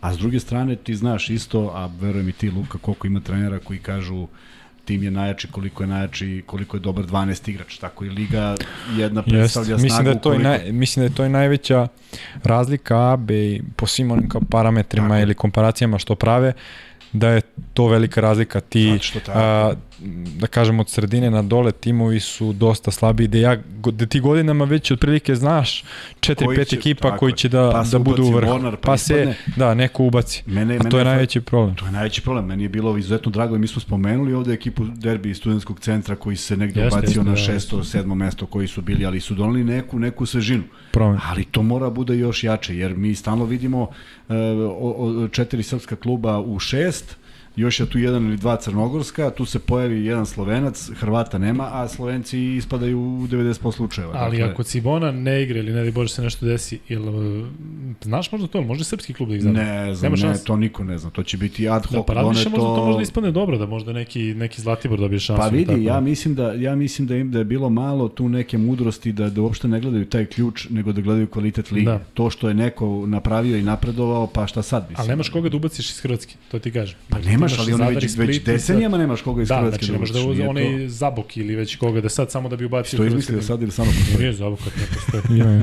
Ovaj, e, Danilo, pitajte koliko si visok i Luka, težak. Luka zna sve. Luka Da. sve zna. Koliko si visok i težak? A, 196 sam visoko, a težak 95. Igram sezonu uvek na 95, 6, zadnjih 3, 3 godine. To mi je neka, neka težina koja, Koja ti koja odgovara? sam pronašao da mi Preko leta odgovara. kod kuće odmalo koji kilogram. Kva ode, kako ne. Odmah. Taki sam, taki sam konstitucija da, da odmah ode gore, ali ne Da. mnogo. Uvek brzo se vrati, to je najbitnije. Da, da. Kuzma, koliko si ti visok i težak? 195 i 95. Jel? Majke mi. Tako uvijek bilo. Šta si mi rekao? Ne, rekao da ja sam, ja sam igrao 195, 195 nisam viši ili niži, nego Ne. 195 sam visine, igrao sam sa 85 kg, celu Uf, sezonu. to je baš, da. I samo sam pred kraj, kad sam već ušao neke godine i zbog problema sa kolenima nisam mogao da treniram normalno, pa sam otišao na 88. Međutim, sad sam bio ubeđen da imam negde 100 kg, izmerio sam se 95,6 i sasvim mi je prije. Ja sam ovde i najviši i najteži. Sunce ti Ne žali. da nam govoriš koliko imaš kila, molim. te. E, Mi košarkaši, ovaj, Da, ti, da. ti stari gospodin. E, pitanje za Anjušića je koja mu je dvorana najlepša za igrati u Euroligi? Verovatno misle da, ajde da iz, izuzmemo Beograd.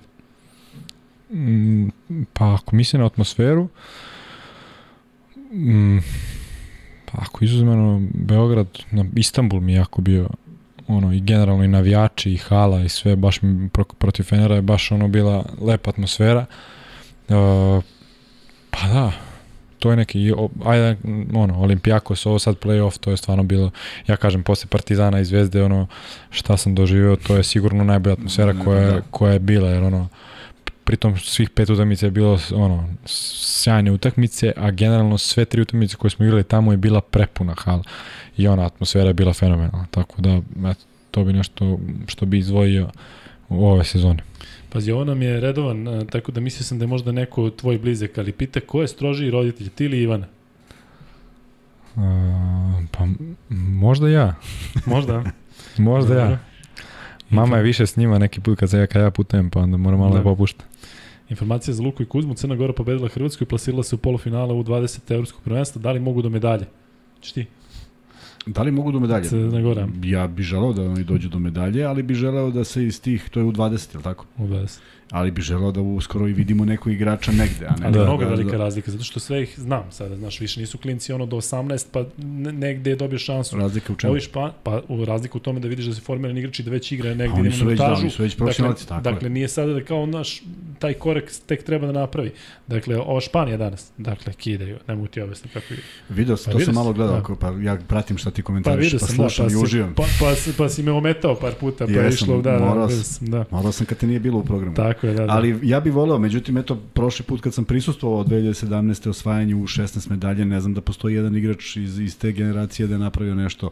Jer Crna Gora ima ogroman problem. To je jako malo tržište. Jako malo. Ima dva kluba koja mogu da... I zato mi je bilo drago da ljudi ima, fizički ih ima. Tako je, a mnogo igrača. I mi ne znamo. Ej, ne bi mogo da sanjaš koliko mladih crnogoraca odlaze u Italiju, ovamo, U namo, u inostranstvo, da. To je neverovatan broj. Nikad i ne čujemo za njih. Neko se prevari, neko se ne prevari. Neko uspe, neko ne uspe. Ali nemaju gde da se zadrže. I zato sam mislio taj studentski centar bio uhahaj, sad nešto se desilo. Kamo da. sreće da jeste. Ali ako ovi momci osvoje medalju, pa zaista bi bilo divno da vidimo mate. Kako Evo? Žugić čak nije u, u Crnoj Gori, nego je van zemlje a, a nekako Da, je naj, da. naj, najperspektivniji ili, ili smo za njega čuli. Prema tome, bilo bi dobro da ih zadrže. E, bojim se da budućnost ovo izbor stranaca, pa ja bih rizikovao tu jednu sezonu i ubacio to jedno dete od 20 godina, 21 godine pre u vatru i dao mu šansu da vidimo da li može, naravno uz neku uz neku analizu svega šta taj može da uradi nego, nego još jedna godina da se šta. E, šta je sa, pitaju šta je sa, ja znam, šta je sa našim timom do 20 godina? Što igra B divizija. Bedivi. Da. Pa desilo se to da smo ispali u B diviziju. To se nikad nije desilo, to je prvi put da se desilo i kad se desi to je jako veliki problem zato što mnoge reprezentacije koje sam upoznavao tokom te dve i po godine uh, nisu mogle da okupe najboljih najbolje igrače jer neće da se odazovu na, na, na B diviziju. I onda ja zaista sam, ne mogu kažem da sam skeptičan da će Srbija uspeti, ali se bojim utakmice protiv Letonije koja je sutra. Zato što oni, oni momci nemaju šta da izgube. Oni momci mogu da odigraju tu jednu utakmicu koja tebe baca opet u kanal i ostaješ tu.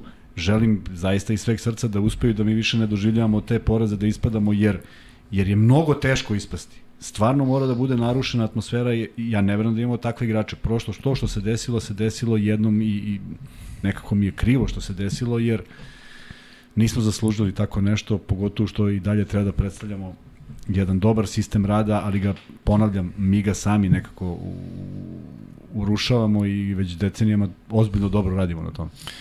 Danilo, teško pitanje za tebe. Kada ti i brat igrate basket, ko pobeđuje? Da li igrate uopšte? No? Igramo, kako ne. Ja. Igramo ja, brat, kum moj i njegov kum. To, je, da to nam je četvorka. Jedan na jedan. Da, da, nego to nam je četvorka za trening, tako da Aha. često imamo, imamo duele između sebe i onda bude zanimljivo, a protiv njega uvijek bude zanimljivo. Uvijek dođe do svađe. Da, uvijek, pa, uvijek dođe do pa, svađe. Pa, a dobro, pobeđujem ja više, ali, da, da. Ovaj, ali uvijek je zanimljivo. To je kad, kad dođeš da gledaš to, to je, to je pravi show. Pomisle ljudi da niste braća. uvek, uvek. Um, pitanje je da li možda sebe vidiš u 3x3 ekipi nakon karijere? Pa ne. Bra. Nisam neki... Piti, piti Kuzmo isto. Kuzmo, nisam ovaj. neki basket. Ne moraš. Da, da. Ja poštojem te momke, ali ne bih volao Andjušića da vidim u ekipi. Ne, ma ne, mislim, ja ne, mislim, ne mislim zbog toga. Je, generalno, ono, ne vidim sebe u to nekom, da. taj basket varijanti. Ma druga je, priča, drugi sport Jest. i divim se tim ljudima, imaju snage, edukuju se za to, imaju ovaj, ovaj Marko Ždero, Marko Ždero iz Novog Sada, tako? Pa čovjek, bre, ozbiljan posao radi, o, o, o, obučava ljude kao što rade treneri za nas, da. ali prosto samo ja želim da to bude drugi sport i, i meni je super kad je drugi. I mislim da nema mnogo dodirnih tačaka, ništa tamo nema dodirnih tačaka sa košom. E, pitanje je da li Zvezda i Partizan mogu top 8 Euroligi? To uvek pitaju i nas. Pa, pitaju već nekoliko godina. Da. To uvek može. Mislim, pa generalno sad, ja, da, pa ja kažem, sad. to je da, ako neka može, to je sad i generalno to nam, mislim, nema šta da se krije, to nam je cilj. Ovo, to tako da, cilj da, slučaju. to nam je cilj, to nam je naj, najmanji cilj. Ove, tako da težit ćemo ka tome i idemo svi ka tome. Tako da. Kako lepo ovo zvuči kada smo i ti prošle godine pričali kako je bilo dobro da imamo dva tima, snimamo dva tima koji će biti konkurent. Dakle, možda, ne, kad smo kretali u podcastu u novembru, smo da zamisliš to. Pa ja jesam, ti, ti nisi imao. Pa naravno da nisi. Pa ja kad smo, kad je, je Partizan ispod burse, si tad mogu da zamisliš. Kako nisi? Pa kako nisi? Pa tad, tad mi je da, sinulo. Da, da. Um, Pitaju ovde za neki viralan klip sa tvojim sinčićem koji je postao ludilo na internetu. Ja ne znam no. čemu se radi.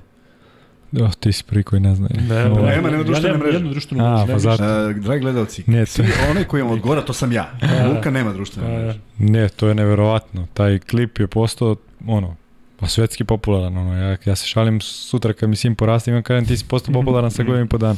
Ovaj, napravili smo klip gde tad, tad smo bili u karantinu, kad smo se vratili iz Francuske, odlučili smo se da budemo u karantinu kod uh, moje snajke, ovaj, njene familije u selu jer ono, imaš dvorište, imaš sve, nisi u karantinu, nisi u karantinu i zbog uh, Filipa smo bili tamo i ono, ono uživo je.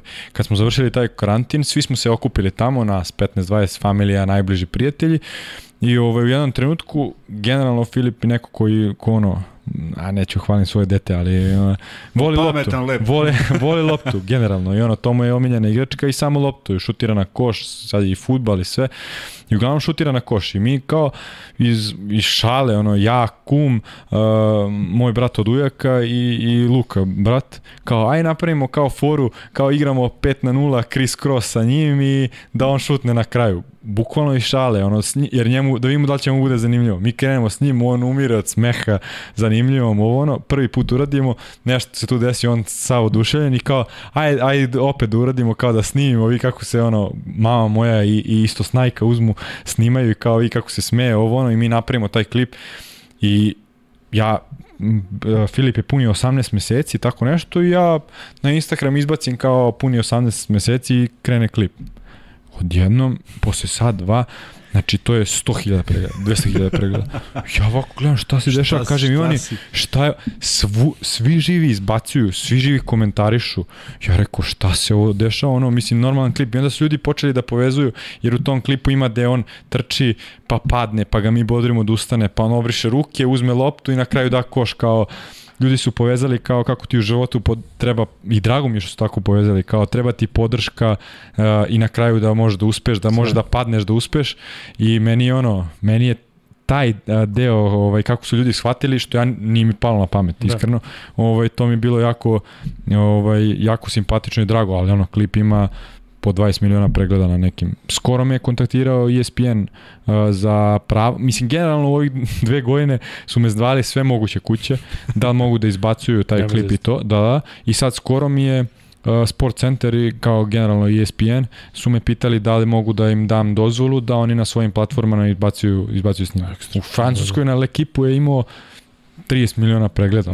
Ljudi neki u Francuskoj koji ono, kroz priču počeli da pričamo, ono, Filip kad smo se upoznali, uh, voli loptu, šutira na koš, snimali smo oni kao, desilo mi se jedan neko, kao, pa ima jedan kao klip, kao mali, ono, nisam znao čoveka pre, ono, da su videli snima, tako da stvarno nevjerojatna da. stvar, ono, i šale se napravi. Bravo. E, Zanjušić je pitanje, kad okači paktike od klin, kad okači patike pa, od klin, vidiš tako piše, da li bi prešao u trenerski vod? Ne. Nikada? Ne. Mislim, neću kažem nikada, ali to je ali stvar, nikad, jer mislim da je, da je ono, mnogo teži ne mnogo, nego ne može se poredi sa igračkim poslom, totalno je drugačiji, pritom imaš porodicu, decu koja već su starija, gde promene su jako teške, ako ih uopšte može da ih ima, uh, moraš da budeš 24 sata u košarci, previše. što je ono, stvarno previše i ono. Vi, iako, biti... iako pomišljam u nekim situacijama kad vidim neke stvari kako bi, kako to, bi da. uradio, ali stvarno nemam želju. Mi ćemo tada da biti negde oko šestog podcasta, pa ćemo da, da promenimo da, da. luku ako možeš, da. ako budeš bio zainteresovan. Rešeno. Koliko pričam večeras. no. da. Pitanje za Luku i Kuzmu, hoće li napraviti jednu emisiju da analiziraju rostere svih ekipa u ABA ligi pred početak sezone kada se rosteri Hoćemo što da nećemo, naravno, samo da dobijemo informacije. Mi sad, mi sad ne pričamo o svemu što se dešava u Zvezdi Partizanu, jer, jer osim pouzdanih da. znamo, Tako. ali ajde ne pričamo pet puta, nego ćemo pričati kad dođe. Mada smo sve manje više koji su definitivno došli i spomenuli. Ali smo obećali da ćemo i više vremena posvetiti FNP-u. Ti si rekao za FNP, si rekao pravit ćemo FNP, pravit ćemo Cibono i evo ti Cibono. Znaš kada ćemo pravimo Cibono? Zato si rekao za Cibono, zato što znao da će. Da. E, pitanje, e, ljudi vjerojatno znaju zašto, ovo isto provereni naš pratilac. Pitanje Danila, da li mu je žena dozvolila da najmlađi navija za partizan? Da najmlađi navija, pa da, da. Uh, da te, teška će tu priča biti, s obzirom da ovaj mali ne, neće da čuje, ono, počne se svađa, ona, ona, ona se zeda s njim, kaže, navijaš za zvezdu, a, a, a kaže on, ne, za partizan krene se dera. E, Tako da će biti jako teško da, da ga privoli na, na drugu stranu. E, pozdrav za sve u studiju. Pitanje kada kreću pripreme Partizana? Pa još uvek, e, još uvek ne znam tačno. Još uvek ne znam tačno, ali verovatno sredinom augusta. Pa da, trebalo bi da... Kad smo kod priprema, ako ništa drugo i svega ovoga što smo pričali s početka i reprezentacije, bit će na raspolaganju Željko Obradoviću što će da, to je meni, da, i to je meni jako da, vrlo i za mene, i generalno mislim i za mene da. i generalno to je jako jedna pozitivna stvar u svemu tome. Uh, da budem od prvog dana Velike i da imam više vremena, tako. tako da... Pitanje za Danila, uh, da li imao depresiju, sad još nešto što neću da kažem, i krize postojanja tokom života u Permu u zimskim mesecima, zato što je to tamo kod njih karakteristično? Ne, ne, nisu. Nisu, da, pa stvarno, ja kažem bar da sam uživao. Pa da, isto kada si košarkaš i znaš da si tu, nego kad tamo odeš i živiš i ko znaš šta da. radiš, zato što je Perm specifičan po tome. Da- specifičan da... je generalno grad, ali kažem, imao sam sreću da sam upoznao i ljude s kojim, ono, koji su mi postali prijatelji, uh, futbaleri koji su igrali u tom trenutku tamo, imali smo i društvo, imali smo taj neki naš restoran i uh, vlasnik tog restorana ovo je bukvalno napravio kao kao naša kafana na Zlatiboru, zvao se Zlatibor. I onda smo Sjajno. se tu, tu smo se okupljali, družili s našim ljudima i onda ono, nekako vreme je prolazilo lakše. Omiljena akcija na terenu. Mislim da mislim na ono najjednostavnije. Rogovi, pik, dijamant. Pa omiljena akcija, nemam neku omiljenu akciju. Ono, volim da igram pik, volim da izađem iz blokade da šutnem. Tako da je. Šta je, ideš Kuzma? Pa dobro, da, da. e, Danilo, imaš dosta pitanja, ali nećemo te još dugo držati e, i moramo i free betove da, da pošaljemo. Pitanje za Kuzmu, može li Radonjić da napravi neki pomak sa Panatom s obzirom da su u zadnjih par godina u velikom padu?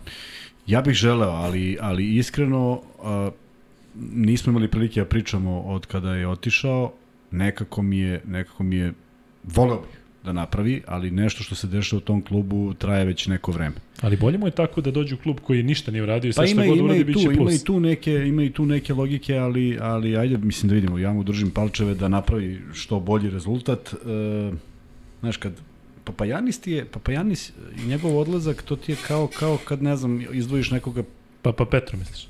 Pa- Ili pa Janis? Pa, pa, pa, Pa Petru, Petru, pa, pa Petru. Njegov odlazak, e, to mi je, to mi je uvijek bi delovalo kao kad ode neki bitan šraf Zvezde Partizana.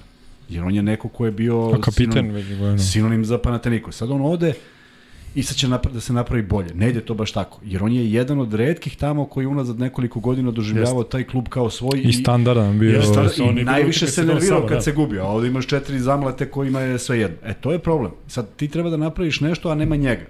I ja ne znam koga su zadržali od tih igrača koji će da budu tu, jer, jer i Grci isto koji mi. Ipak nekako je e, bitno da ima, da ima Jeste. tu neko ko povezuje sve to. Pogledaj koliko je Diamantidis odigrao ili Spanulis, koliko su odigrali utakmica i sve se vrtilo oko njih dva fantastična ekstra igrača, ali su oni držali koliko kogod je došao i bio Core bolji. ekipe, da. Tako, oni su držali to što su držali. Tako da mi je žao, žao što je otišao od Radonjića, a mislim da je napravio odličan potez i mislim da je to opet e, Željkova težina i činjenica da je radio u Naravno. Panathinaikosu toliko dugo i pozvao momka koji želi da, da ga Željko trenira i da pravi neke dalje priče. Znaš da mi, delo mi isti kao kuruc po dimenzijama, čak ja mislim da su iste visine i iste težine. A, sam, I ne ne može da bude gori. Tako da, dobro, To je već dobra stvar. to je dobra stvar. Već da. ispunio. već da, da, ispunio da, ne svoje. mora više ni da igra. Pozdrav za sve i pitanje, da li ste čitali košarkaški magazin List Play Ball? Izašlo je samo par brojeva, ako se dobro sećam, 2002. ili 2003. Ja se ne sećam. Nisam.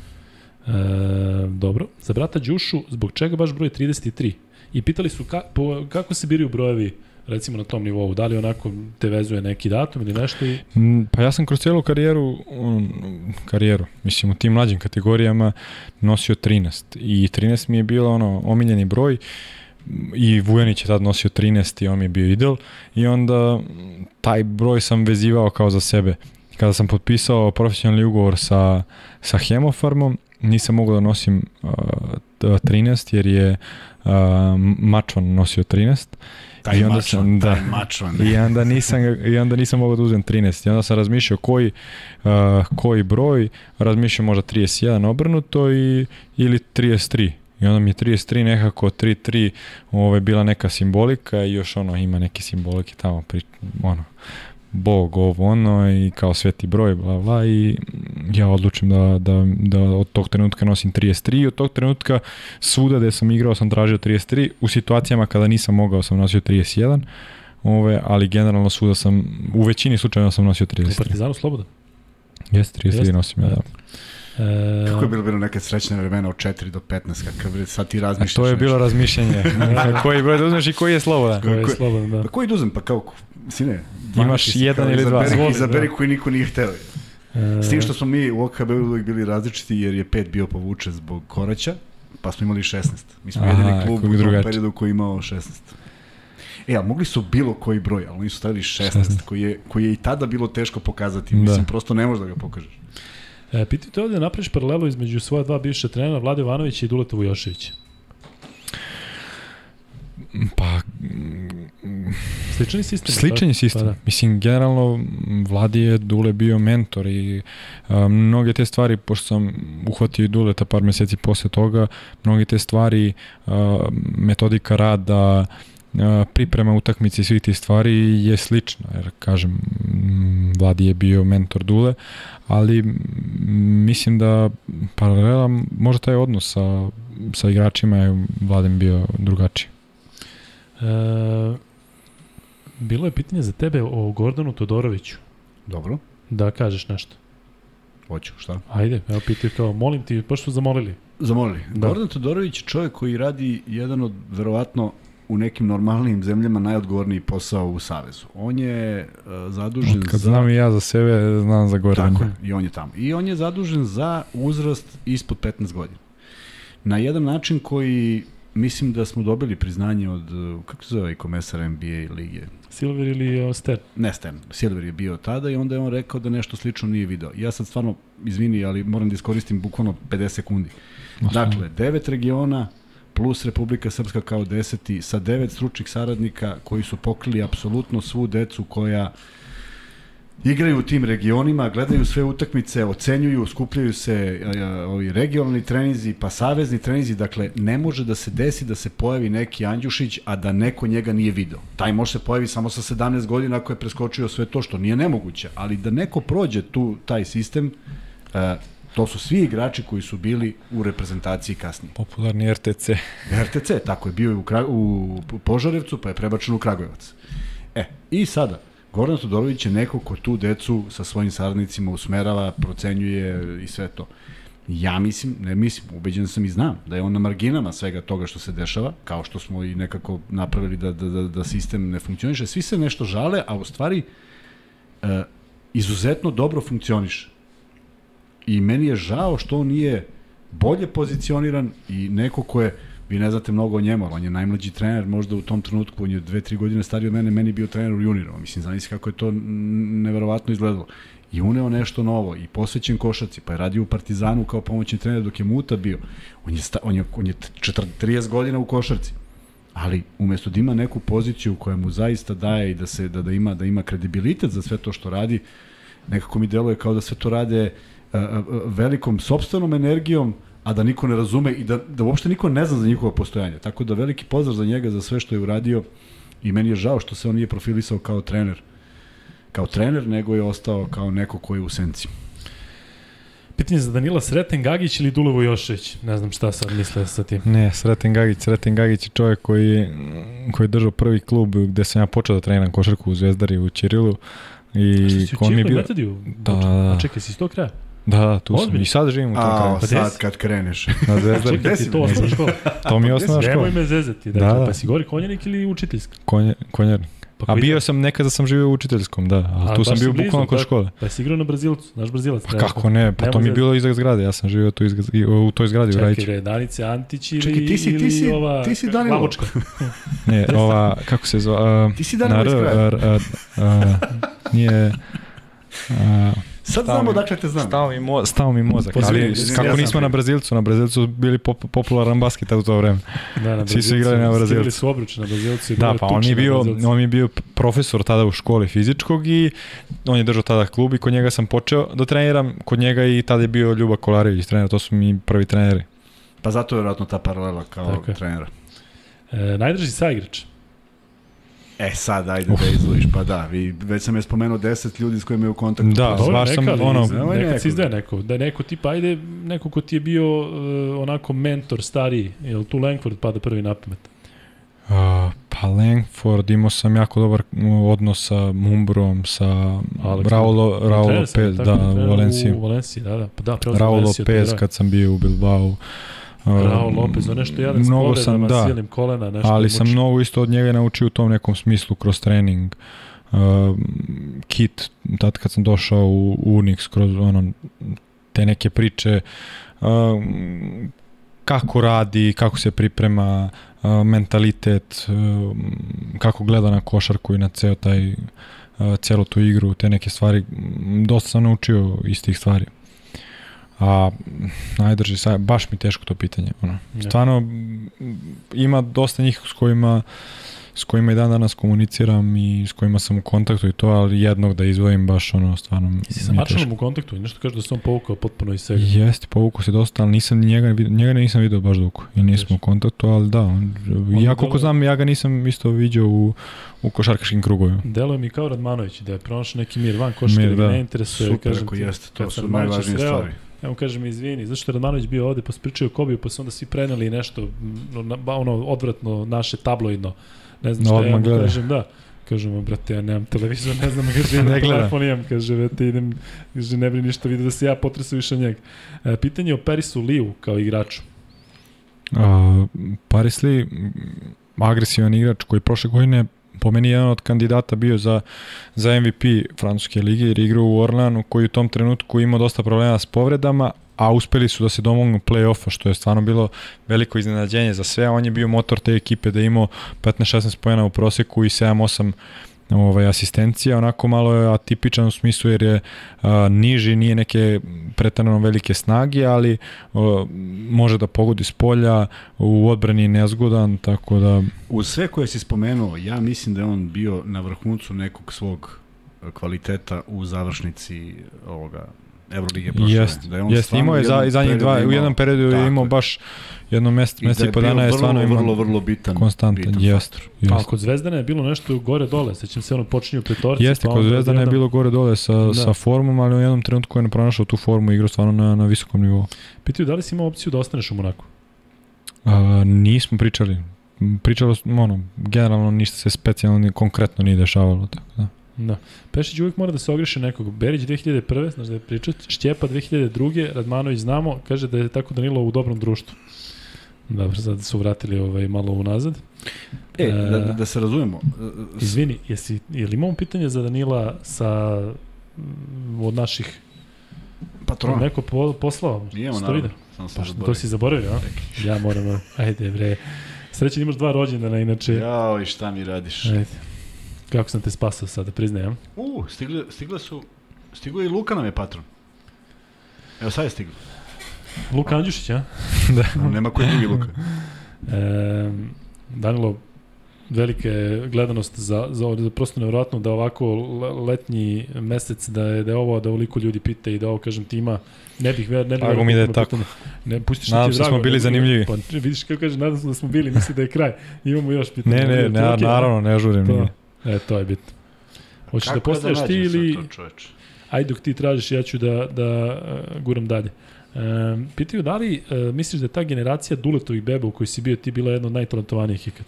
Jeste, sigurno. Sigurno. Ko si bio to? Ajde se. Za ovaj uh, Leo West, izvini, Leo, Mest, Leo Westerman, uh, uh, Milutinov, uh, uh, Žofri je posle došao, uh, Gagi, Luča, uh, to je stvarno bila generacija neverovatno, tako da da je taj tim ostao neki duži, to mislim da nikog nisam preskočio. Da je taj tim ostao neki duži period, mislim da bi napravili stvarno velike stvari. Koliko pratiš NBA? Pitaju. Pa pratim i pogledam highlighte, pogledam uglavnom pogledam šta je Jokić uradio, kako je igrao i ne znam Dončić, uglavnom ovi naši igrači, ali nije da sam sad neki strasni prat, da. pratilac ili ljubitelj, tako da. Je li bilo nekih e, kontakata sa NBA ekipama, skautima i ostalo? Bilo je jednom prilikom kad sam bio na tom Trevizo kampu, ovaj, gde sam, to je, kako se zvaše taj, onaj kamp u Trevizu što su svaki godine da, da. organizovali kao Adidas, pred Adidas, da. bravo. Ovaj i tamo smo imali ovaj te neke treninge i u tom jednom trenutku mi je tada tadašnji zaboravio sam ime, pom, jedan, jedan od pomoćnika Hustona rekao kao kako mu se sviđam, kako tada uz Parsonsa oni nemaju nijednog šutera i te neke stvari. I posle toga ja se ponadao, ono ništa. Chandler Parsons, znaš ko je Chandler Parsons? Naravno. On ima jako dobru priču sa Kobim. Znaš tu priču, Vanja? Sa Kobim, kada je otišao kao Ej, Vanja je tu. Vanja je da, tu. Da. E, kada je otišao e, kao ruki da igra protiv LA Lakersa, tipa ono bio potpuno drugačiji, ima neku kosicu i kaže mu ovi kao čuvaj se Kobija, on će da te razvali, zezaćete, prozivaćete i Kobi ga pita kao, jel ostajete kao sledeći dan, hoćete biti tu večeras? I on kaže da ostajemo, kao, idite u taj neki, kako se zove, čak je bila opcija da odim i tamo dok sam bio u uh, neki najjači klub, restoran, ne znam šta, gde baš možeš da se najaviš na mesec dana, osim ako nemaš vezu. I kaže, idite tamo, samo te se javite da sam ja. I ovaj kaže se igrače, kaže, ma ložite bre, nameno te proziva zato što si ruki igram. Kaže, on, ajde idemo, i odu i stvarno sede. I on ima neki ruki ugovor koji je mali, pritom mu je Ćale knjigovođa. I kaže, dolazi mu račun 30, 50 hiljada dolara za sve. I kaže, ubiće me Ćale, nemam toliko para, nisam toliko zaradio. I dolazi konobarica i kaže, rekao je Kobi kao samo da potpišete no. E, za njega. Ne si priča. Kao umesto njega, Kobi plaća. Pa Našao sam Mladena Stankovića, ali nema Ajde. pitanja za Luku, oj za Luku, no, dobro. za Luku, za Danila, nego je pitao nešto mene. Ajde. Jedno smo pričali o ABA ligi, da li će biti najjača, a, ovaj, a jedno pitanje za mene, koji je najbolji šuter protiv kojeg sam ja igrao. Pa imao sam tu privilegiju. Ja zaista mislim da sam iz svega kako sam krenuo sa 17 i po godina napravio jednu ozbiljnu karijeru i došao do Evrolige i igrao Evroligu i zaista teško je objasniti ljudima da sam, na primjer, prvi koji je zatekao te sezone po Gasola. Znaš, I sad ti kao treba da igraš protiv njega, ne znaš uopšte šta bi trebalo da uradiš. Navaro je počinjao tih godina, e, Kutla je igrao za, za Efes. Uh, Kanišovas i Gasol su igrali zajedno, tako? Karnišova su, da. Karnišova da. su u ovome. Po, Carlton Myers igrao za, za Bolonju sad, ja mislim da je on igrao za PAF. Pa pominjao si Kutle i Ma ovog... da, e, ma bilo je plejada nevjerovatnih šutera, mislim, zaista, Turkoglu.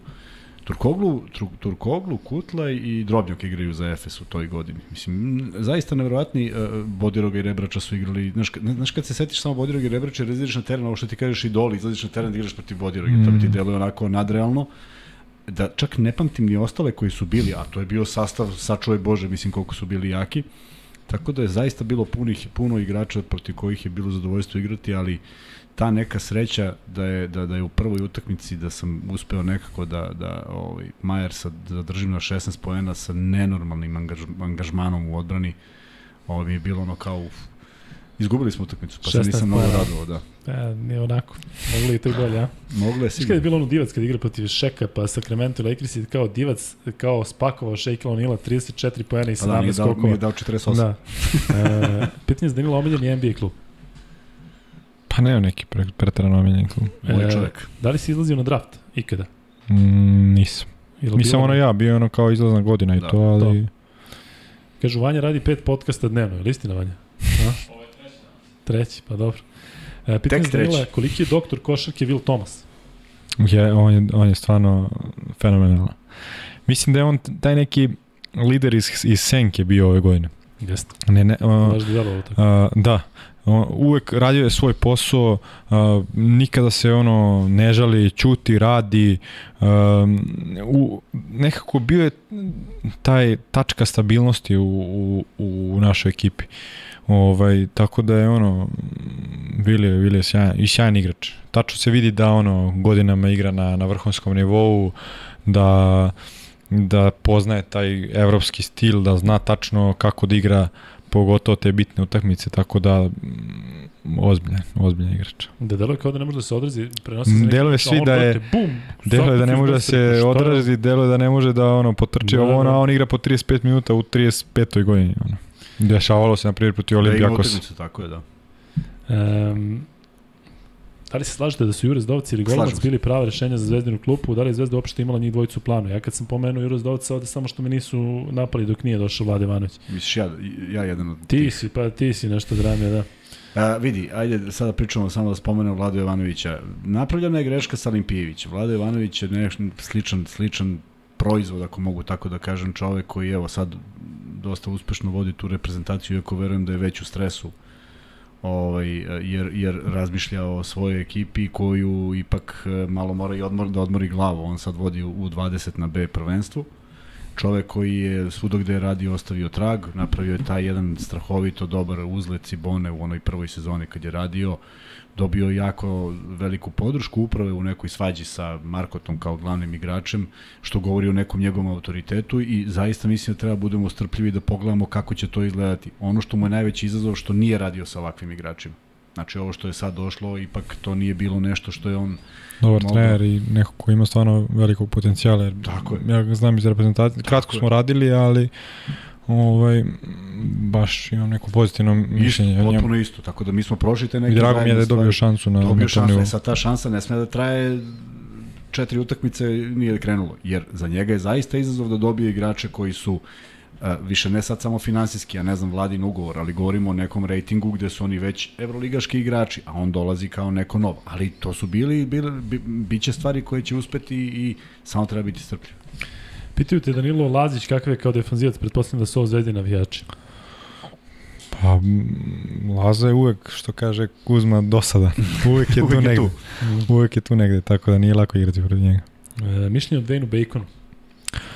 Uf, on je, e, njega sam zaboravio, on je isto mm, nevjerovatan individualac Da, da, u da, smislu jedan na jedan jedan na da jedan je stvarno imao sam priliku da ono do, često igramo jedan na jedan ono, na treningu, post treninga i to jedan na jedan stvarno je ubica treba mu, trebalo bi mu vremena da se adaptira i mislim da se još uvek nije adaptirao na taj uh, evropski stil i da je, o, ima taj stav prema evropskoj košarci drugačiji ovaj, malo u odnosu na sve ostale, tačno se vidi da je, da je neko nov i da da mu treba vremena da prihvati to ako uopšte bude hteo da prihvati. imaju, jel imaju pojedini igrači onaj stav, tu sam samo da prebrodim ovu sezonu pa se ja vraćam. Pa, Jesi naletao na tako nešto? Uh, Pa bilo je, da, bilo je takvih, To takvih situacija, jako ali uh, on je neko ko je hteo da dođe u Evropu zato što mu se igralo. Jer generalno ja mislim da on mogu da ostane u NBA-u i može da ostane u NBA-u, ali da bude nek, neki marginalni tip tamo i da, da nema neku ulogu u ekipi. On to nije hteo, uh, hteo je da, da igra, hteo je da, da uživa u košaci, zato je došao u Evropu. Iako mislim da mu Evropa u tom smislu nije na prvom mestu i ono mnoge stvari nije razumeo u evropskoj košarci, nije razumeo zašto se Euroliga igra tako, zašto ne postoji jedna liga, na primjer, u cel, celoj Evropi kao u NBA-u i kao tu igraju najbolji i to je tu su to. bili najveći problemi da razmišljaju o tome. I te, mislim, ne, generalno te neke stvari, ono da da je poredio Da, pa a, američki stil sa, sa evropskim i uvek je više bio ka tom američkom stilu i to mu je bio najveći problem, iako je pokazivao stvarno sjajne partije. A generalno jedan na jedan i napadački je mm, ubica. E, ima ovde još neke pitanja koje nećemo da, da postavljamo, nije, ni zašto, nije bitno zašto. E, ali ajde ovo, evo ovo ajde kažem na granici, da možda dovedeš jednog igrača iz Zvezde u Partizan, koga bi izabrao? Mm, Ima tih sličnih pitanja, koska pitanja. da. Pa... I sadašnjeg sastava ili? Da. Pa ajde... Šegi Dobrić. I ti bi ga doveo u Partizan, da si Partizanac, priznajem. Ja. Ja, me i Davidovac nije. nikad ne bi otišao. Pitaju kad će biti podcast sa do, I- Davidovcem. i Deki, i Deki. 44. godine. I Deki. Kad Deki. će podcast sa Davidovcem? Pitaju Pa ne znam da li je tu. Nadam se da jeste, možda je na odmoru, mislim, ja potražit ću ga. Pitaju te za mišljenje o Nikusu Zizisu. Znaš da ja ne mogu da se setim da li sam imao priliku da igram protiv njega. Eto. Ti? Imaš nešto? Što je Ja jako jesam. čudno. Ja ni... Ali nemam mišljenje. Nemaš mišljenje o Zizisu? Pa ne. Zizić genijalan. Pa dobro. Nemam, jel ne moramo sve. Nešto ti se zamerio. Pitaju kad će Pulan da bude gost u podcastu. Pa, sledeće nedelje. Da, Kuzma ne može da smisli Pulan. E, Jacob je isto ozbiljan. Luda glava, ali, ali To- je- Luda to glava, da, zato, zato ga ne voli. E, mm, da, pitaju ovde zašto nije Nedović taj koga bi doveo. E, A da, te, Nedović, bravo. Brat, kao droga. Ne, nego ja sam gledao ono iz prošle sezone, ali generalno, da, i Nedović je bio uvijek dobro. Mislim, ne, da da je znate da pokazao. Nedović na odmoru i ima svadbu, tako da smo i njega Da. kontaktirali. Ozbiljno Ne, kontaktirao pa jest. sam, ne njega, nego sam se raspitao gde, šta i kako. Jeste. A ti si došao s odmora bukvalno pre Da, par dana, par tako dana. da... Ne, da, hvala ne, ti Nedu, što si ne, zaista došao ovde Ma odmah nema, posle odmora, šmekerski potez, nema šta. nema na čemu. E, A Nedu bi uvek uzeo. uvek Ne da je. je isto dobar. Um, pitaju gde je Dejan Musli. Ja, koliko znam, koliko sam čuo, mislim da je prestao da igra. To sam Ali nisam, ali nisam siguran. I to nešto Nisam nije bio, sad- bio je, u, bio je u kontaktu čas sa mojom, ja sam bio u kontaktu s njim m, prošle sez, m, na početku prošle sezone, čak za Burg da dođe. Ovo, međutim, ništa nije bilo od toga i posle toga nisam, nisam bio u kontaktu, ali Kojom sam čuo da je godište? presude moje, 91. Da, zato i pitaju. Pih. Ali ušao čini mi se u neke druge vode i da Neko slično mu da ko kako Labović, onako baš u, su, u mlađim generacijama. Da, Bio je dominantan. Da je I onda... Tako se nešto preokrene. Pa desi Da. tako nešto zaista za Labovića koji je sa svim svojim nekošarkaškim Mm. telom imao glavu. Vrlo sličan Deki je, Deki je imao problem, ja mislim, i sa, sa zdravljem, ono kad je bio u Kini nešto Jest. i tad se to desilo i od tad Da, ja mislim da, da, je da. krenulo na... ali Ma da. vrlo sličan, vrlo sličan, ako se ti sećaš, ovaj, Danilo ne može da se seti, ali ovaj, uh, Mišković. Atipično Da, da, da, telo, uh, spor, Delo je da ne može da skoči. a ono je bilo, mislim, i to, i to vrlo u sličnom uzrastu su obojica bili dominantni. E, kako vidiš budućnost evropske košarke? Ovde te pitaju i e, neka pravila koja ti smetaju od ovih novih. Ili ima nešto što ti smeta kod tih pravila što su malo menjali? Da, podbacivanja, pa ne znam nešto. Ali ima nešto da bi, da bi, da bi promenio? Pa nema, iskreno nema ni jedno pravilo koje je sad nešto uticalo mnogo na, ili promene koje su uticale mnogo na... Ja bih samo jedno vratio. Samo jedno ako mogu. Dva. Dva. Dva. Dajde, da Evropski pogledam. korak, znači skok sa iste noge na Pa istoj. ne može, ali stvarno jeste tri koraka. Znači ja Ma sad razmišljam, pa pa nije, jesu, pa sad. A ne, skočiš jeste, jeste. i produžiš Ne, dva ja- koraka. Znači, kažem ti, ja to daje se preveliku dopada. prednost uh, Kako se ne napadaču. skočiš s ove? Skočiš desne, dočekaš se na desnu i produžiš levo. Pa čekaj, Pa to je su jedan. tri koraka. Pa kako? Ne, ali uzmeš loptu, jedna, pa druga, bukvalno su fizički tri koraka. Kako? Desna, desna, leva, eto tako. Leva, leva, desna. Pa, pa čekaj, desna, desna. Desna. Pa to je jedan. To je tebi dva. Pa onda bi mogao ovako da skakućeš sa loptom i da pređeš preko celog terena. Ne Tako? možeš. Pa ne možeš, pa kako ne možeš. To je najlepši su potez u košarci. Jeste, bio. Pa, slažem se. Pa Ali- zašto je ukinut? Zato što su pročitali, aha, 1, 2, 3, daj da se... 70 godina kasnije da je pa tri koraka. jesu. Nisu Yes. obraćali pažnju. Da, da. Nemam snage da razgovaramo. Ne, meni je nešto koje mi smetalo za rolling.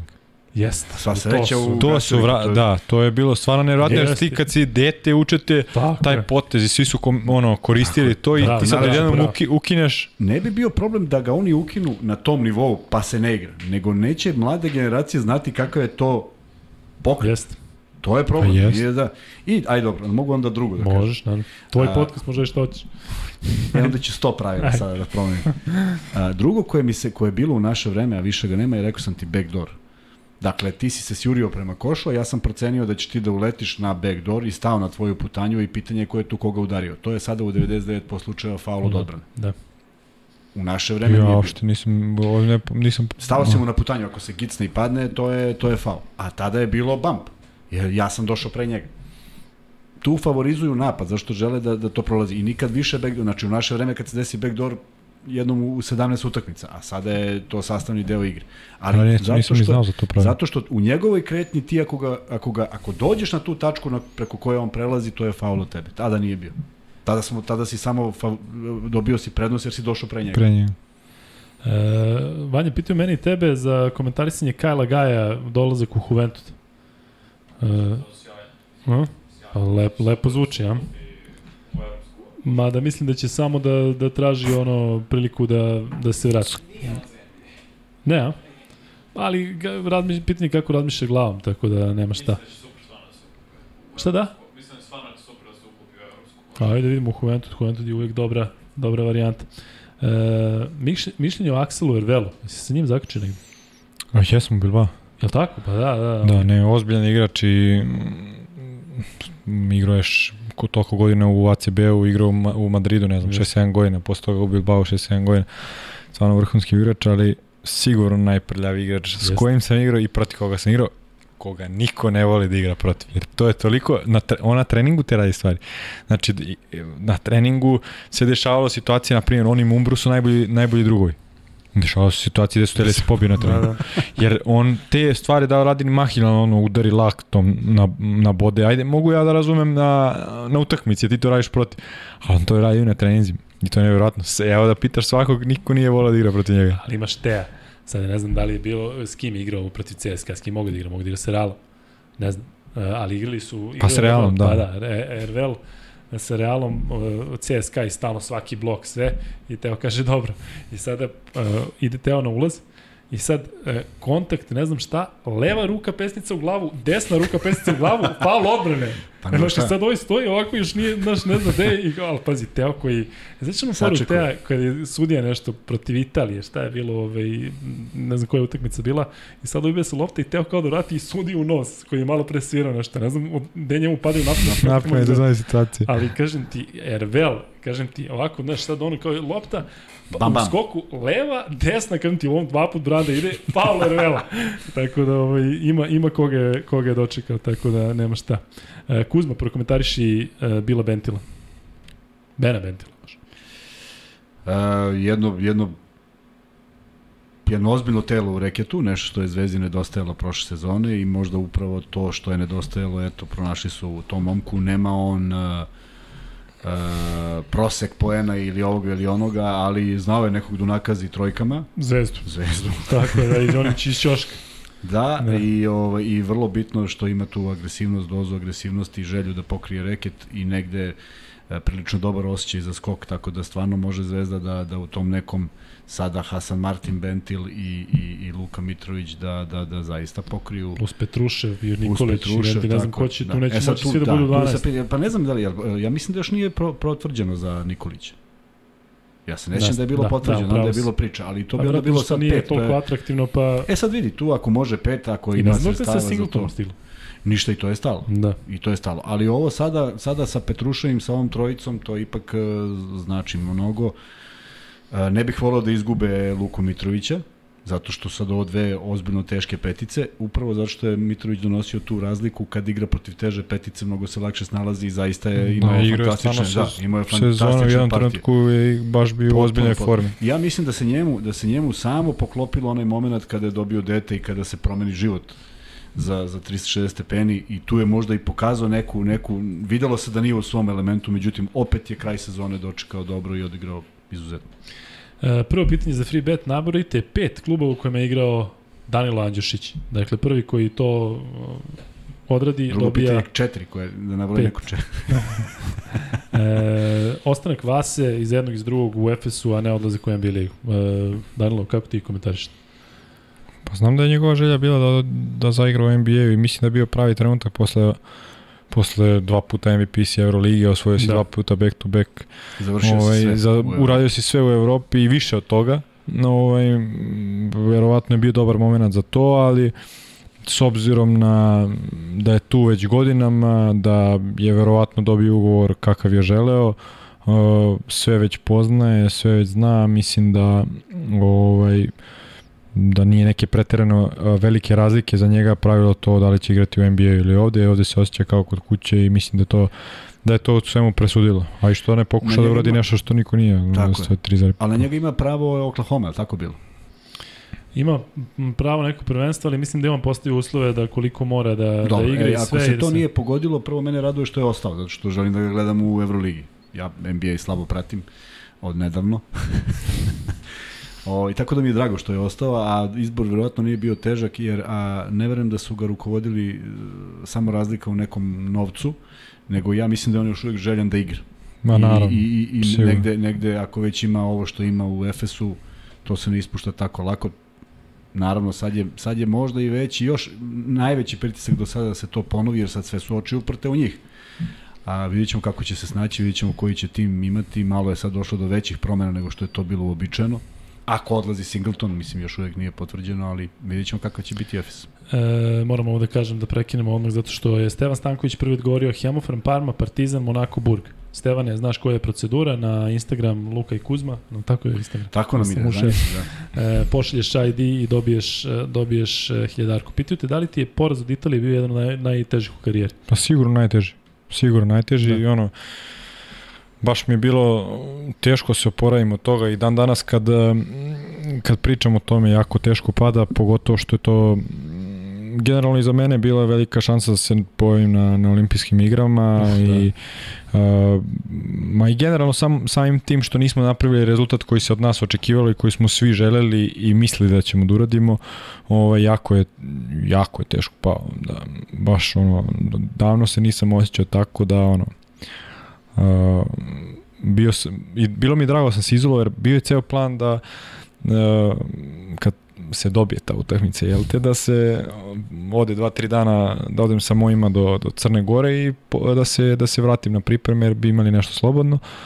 I, ovaj, I kad se to desilo, bilo je kao da li da, da otkažem ili ne i onda sam otišao sa mojima jer sam teo da se izolujem od svega, da mm, prijelo mi je da, da budem sa nisam tad nešto ni gledao, ni čito, jednostavno bilo mi je jako teško da, da prebolim to, čak i tad posle dva, tri dana ono, sedimo i još pričam, ono, kreće mi da. suza ono, na, na oči zato što mi je stvarno bilo krivo što što nismo napravili taj rezultat. Jel se videlo već protiv Filipina da nešto nešto ima? Bilo zabrinutosti kod tebe lično posle onog meča sa Pa Filipincima? nije, ja sam ja sam sve vreme razmišljao da će to da to sve kad ide tako teško na kraju se očepi i bude Da. top. I onda sam ja ra- e, trudio se da na taj način pozitivno razmišljam da ok, ide, ne ide baš kako treba, ali mm, leći će to sve na svoje, odradit ćemo posao koji treba na kvalifikacijama i onda ćemo imati vremena da to još doradimo i da na olimpijskim igrama bude to na, na pravom nivou, ali nažalost nije se desilo i da, to je sigurno najteži poraz. Um, pitanje je za, hoćeš ti drugi free bet? Imaš li nešto u glavi? Ništa, a? Ne. Ništa? Hm. Pa je sad ovo. Kako se zove koleđ na kom je igrao brat uh, Danila Andjušića? Uh, odgovaraju, Aj. ovde znaju sve. Dakle, Sve koleđ na kojem je igrao, još ako neko doda, na, na, pa doda njihovo kako su se zvali kako se zove i dalje, odnosno kako im je nadimak. Nemoj sad ako neko bonus, doda, nemoj bonus, da doda. dodatni bonus. Ja, šta li ćeš da smisliš kao bonus? Znaš koliko je ljudi odgovorilo za ovo gde je sve Danilo igrao i mislim da su sve tačni, niko nije promašio. Pitujte za Jamara Smitha, ti si sa njim zakačio u Nixu, tako? Uh, jedan od najboljih šutera s kojima sam igrao. Jeste. I to iz driblinga može. I iz driblinga da. i svako i on je isto veliki radnik i ja, sam- ja sam obožavao s njim na primjer da, da imam ta šuterska takmičenja. Odlično. Uh, to, smo, to sam obožavao jer on stvarno možda čak i najbolji šuter s kojim sam igrao. Šuter, šuter. Ovaj, stvarno ne, neverovatan šut, neverovatna tehnika i uh, generalno da, obožavao sam da, da imamo te obračune. E, pitujte ovde da li si imao, to sam propustio, da li imaš neku normu koju na šuterskom treningu treba da ispuniš ili da li imaš neki svoj cilj? Pa nemam, nemam sad kao zacrtan, ali generalno volim da završim uh, trening, ubacim uvek bar tri serije 10 vezanih. To mi je onako za završetak Sad ima koje treninga. pozicije, jel? sa, bijam 3, 45 uh, top i 45. To mi je onako, s tim uvek završavam, a sve što uradim ovaj, pre toga je bonus, tako da... Pitanje za svu trojicu, ali ajde Kuzma odgovori samo ti. Kako gledate na manjih domaćih igrača kod Crne zvezde i Partizana? Da li potezi jedne i druge strane vuku da bi moglo da bude e, problema u budući?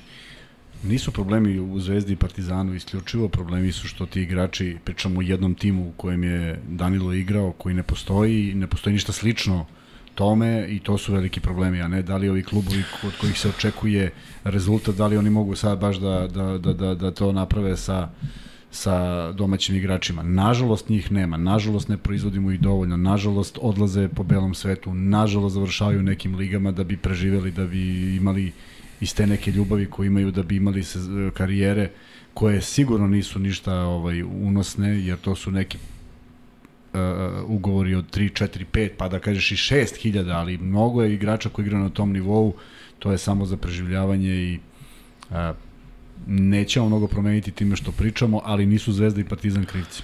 Pa ja mislim isto, zato što generalno ti kad pogledaš sve velike ekipe u Euroligi, sve ekipa imaju 6, 7, 8 stranaca. Nije to sad kao da... Žalgiris, Je, ok, da. Žalgiris, ali malo je tih timova koji Jeste. imaju na tom nivou bazu, koji imaju da. svoju bazu svojih igrača i to je nekako normalno. Evo mi smo ove godine u Monaku imali 9 9 stranaca. Ali Partizan nekada nije u Euroligi. se? Nekada nije, ali je bilo drugačije je bilo drugačije takmičenje, drugačiji drugačije, sistem, drugačije mm, sistem takmičenja je bio drugačiji Da. nije um, naravno da bi svi mi voleli da ima više domaćih igrača i da to bude baza igrača, ali po meni i sada gledano kad pominju pojačanja ovako onako jednostavno u ovom trenutku trenutno i sa bazom igrača koju imamo to je jedini način da budeš konkurentan u, u Euroligi. Šta meni pada na pamet? Koji ti je posljednji trener koji nije pričao srpski? Dakle, Saša, Zvezdan, Savo, Da, pa ko Priftis, Priftis, Kazan. tako, da. Slušaj pitanje Poslednji, za poslednji ili prvi? Poslednji. Poslednji, poslednji. E, Gonzaga, Južna Dakota, Mobil, Arizona, South Dakota, pazi, New York Rangers, South Dakota, New York Rangers opet, North Dakota, što su hvatili za Dakota. Čekam ko je prvi odgovorio South Alabama. E, South Alabama, Mobil, Likos. Likos se šalji e, kaže, Na Luka ti- i Kuzma. Na Luka i Kuzma šalje ID. Likos mislim da je stara Kajla da, da zna. E, Luka piti Danilo o Panteru.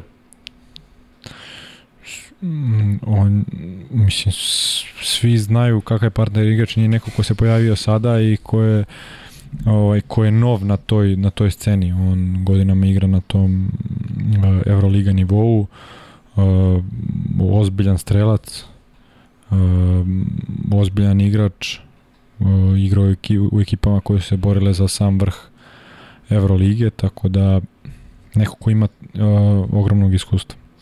Sad klasično Luka, propustio si kao ja sam odgovorio prvi.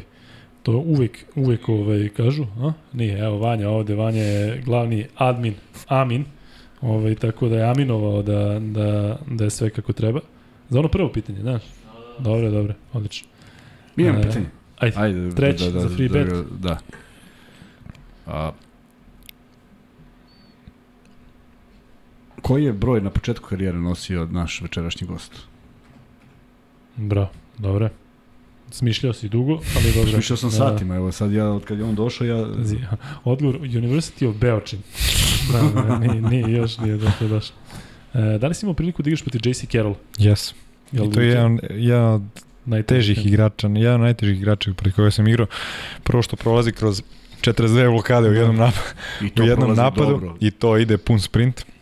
A To je nešto se nevjerojatno. Zaustavi nogama, to I zaustavi se da- i ide s jedne strane, ne šutne, ide na, na drugu Na stranu. drugu, ne. pa opet. Ne. Znači, bukvalno dva napada i, i gotovo, ti si mrtav, a on ko da je Ali prolazi tačno pored svojih blokova. svoje. To je neverovatno čitanje, to to je neverovatno to. čitanje i ne samo šuter, oni svi se gledaju, ok, izađe iz blokade i šutne. Kako on koristi tu blokatu, kako ode na onaj njegov floter, e to je a, je. ta stvar koja ga je zadržala toliko godina Tako tu je, gde je I bio. samo to radi i ne mora ništa više da radi od Da. toga. Ali to je upravo ovaj, koristiti blok. Svaki faul u napadu je greška na čoveka koji navodi blok. Jest. Ako ti prolaziš pola metra, ovaj dobio zadatak da napravi blok, on krene da Da. nešto uradi. Tako da to treba znati. Uh, Aleksandar Antonović 13. Aleksandar Antonović, pošalješ na Kuzme Luka i sve smo free betove podeli. Vanja Idi Amin. Idi Amin. Znaš kako je srednje ime Idi Amin? Ne znam. Dada. Znaš kako se zove Dikembe Mutombo? Kembe du bomba du bimba du bomba. Ne znam. Dikembe Mutombom, Polondo Mukamba, Jean-Jacques Diken Van Mutombo. Da li je moguće? Naravno da je moguće. Svaka čast da si zapamtio. Ne, to sam zapamtio kad sam bio klinac, bio na NBA. Piše, i on- piše tu, I majke? on još kaže, a nije, ono, uh, ne, priš, još promukao, neko, di kembe mu tombo polonda, ja vraćam na, na, na video rekorderu. je.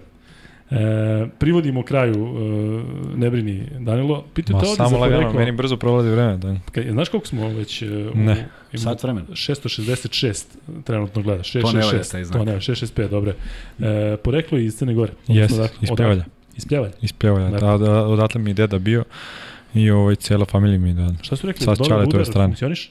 Ne. Pričali smo, ne, pričali smo sa nekim Da ovde. je prva B liga, da nije prva. Ali da dva tima bi imaju dva u tima, Pljeljima, da. da. A ti si otvarao ha, halu u Pljeljima, tako beš? Ti si dole potvarao sa Jesam, halu, da, da. otvarao sam halju, halu, Inače, halju. kum Halu. Čaleta i neko ko je mene izneo iz bolnice, koji je meni kum isto, je Bato Doderović, ti 100% znaš. Doderović, igrač bivši, Da. da. da, da, kako da ne. On mi je kum. E, pitaju te da li je Željko poziv bio preko telefona? Ano, pa mislim, normalno smo se čuli prvo Da, preko telefona, nismo se sreli, Na, slučajno. na, na, ono, u tužnom centru, kao, ajde, Ej, daj da vidimo. si? Ajde da sednem. I sine čoveku i eto ti. Imamo nekog to, trolovanje neko ovde, imamo, neko nam pušta nešto, e, sport klub arena, neki N1, nešto, i to roka, znači ne mogu ti verujem kako. Hm? Si da? Jesi blokirao? Bravo. E, pita Danilo šta misli o Beobanci. Mislim da ne znam Ja se ni ne sećam. Pa ne, se- ja se sjećam zato što neko, Ja znam samo priče, ali se ne sećam. račun. neko priča non stop, tako da ovaj, Beobanka i BFC mislim da sam naučio više nego o Chicagu i o LA Lakers. Ej, kad smo kod BFC-a, jako lep tekst sam po, po, po, E, prosledio. Bato Doderović, ja mislim, igra u BFC. Na, ne, u Profi Coloro U mislim Pro- da igra. Igra u Profi Coloru, ali mislim da... Nije, u BFC, u BFC se zvao samo tri godine, tako da znam. E, E, pa, da, eto. joj, znam. mislim da je u Profi Coloru igrao. Ne mislim, sigurno. Jeste, da jeste. jeste. Ali ovaj, jako lep tekst na Max Bet Sportu, neka pogledaju. Ne znam od kad je, ja sam ga prosledio sada, nisam vidio datum. Prvi, prvi, prvi tekst koji je u potpunosti tačan o svemu šta se dešavalo ovaj, tih godina. Obećavao si ovde da ćemo nešto da ih uključujemo, da će Hoćemo, biti moram da ih navatam. Kad, u oktobru kad krene Euroliga, onda... Tako je, onda tada- krenemo s Beočinom. Ne? Tako I je. onda serijal o Beočinu. Ne. Pitaju uh, Danilo za tetovaže, pitaju kada ćeš da tetoviraš Kuzmu, to se sprdi ovde. Uh, ali za tetovaže, koliko... Otkud- otkud ljudi znaju da ja nemam tetovaže? Uh, ne znam sad koliko imam, ali mm, imam jedno 5-6 komada, pravo ti Ne kažem. moraš Mislim, da kažeš, da radiš ovde ili u inostranstvu? Radio sam, radio sam i ovde u inostranstvu. Poslednje sam radio u inostranstvu. Kako ljudi ne znaju, znaju da ja nemam tetovaže? To mene zanima. Znaju, viš da znaju sve. Šire. Um, Sad ću pokažem. pitanje za sve, koji je format e, Euroligi bolji, novi ili stari? Meni stari. Pa ti si uvek i treba, kažem, Pa ja treba se vrati na pa grupu, naravno. tako? E, Treba samo Kuzma, šampioni Kuzma je da više, igraju, Kuzma je samo više za ovo staro vreme. Kuzma je za staro vreme, pita ja da se pitam, samo znači- šampioni da igraju. Da, da. Imaš bre 12 utakmica, odigraš, završiš i to je to. Da li si išao da gledaš F1 trku dok si bio u Monaku? Yes. I? I to je no, Spektakl. spektakl, i nevjerojatno iskustvo, Oni pogotovo voze po tamo ulicama. po tako ulici. Da, da, to je gde jedini, da to je jedina, um, jedini Grand Prix koji se vozi po ulicama normalnim, Jel ono, tako, ulicama nije grada. Singapur, tako? Nije, Nije, Singapur nije nije. Singapur noću, da. Sve, sve na ulicama i generalno kako pripremaju za to za taj Grand Prix, Potpuno e, to, to je, drugo.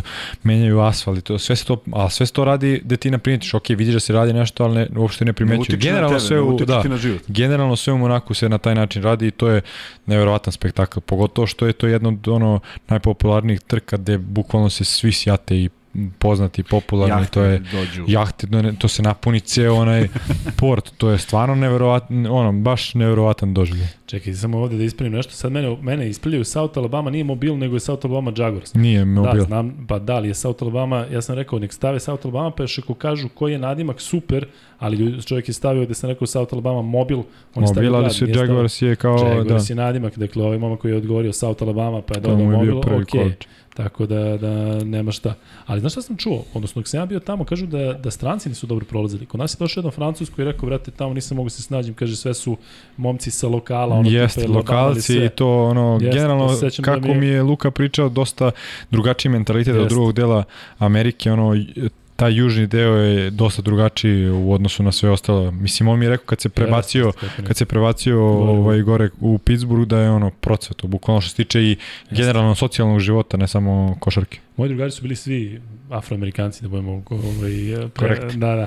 Ali svi su bili cenci i sećam se prihvatili me sada, sada, sada kao svog i sad mi prolazimo i prolazimo kroz Pritchard koji je najgori kraj mogući na svetu. Dakle, ovaj Harlem i sve je to smešno.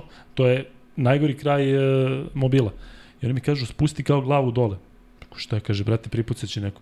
I sad se ja vozim, kad smo prolazili to, vozim se sa glavom onako kao u avionu kad kažu ono, Jeste, da imaš delove da ne smiješ da ideš. Pa da, ne, kad ti gore automobili ne ulazi policija uopšte. A bio je, e, uvek smo morali, to ver, brati verovatno znao, ne znam ko je njegov, tamo zato uvek imaš e, baptistički, jezuitski, ne, nekako su, crkveno su kao određeni i moraš da radiš neke humanitarne akcije kad si deo I ekipe. to, da. I bila je kao priča, ajde, ko će sada kao, ja rekao, ajde ja ću. I kao, ko, šta treba da radim humanitarno, kao pa klinci kao koji su malo siromašni, kao s njima da provedeš jedan trening. Meni napada, ne pada na pamet, dolaze, dolaze klinci 5, 6, 7 godina, sa ono, samo što nemaju zlatne zube, znači, kažem ti, one bandane i sve, ja sam se tako dobro zezao s njima.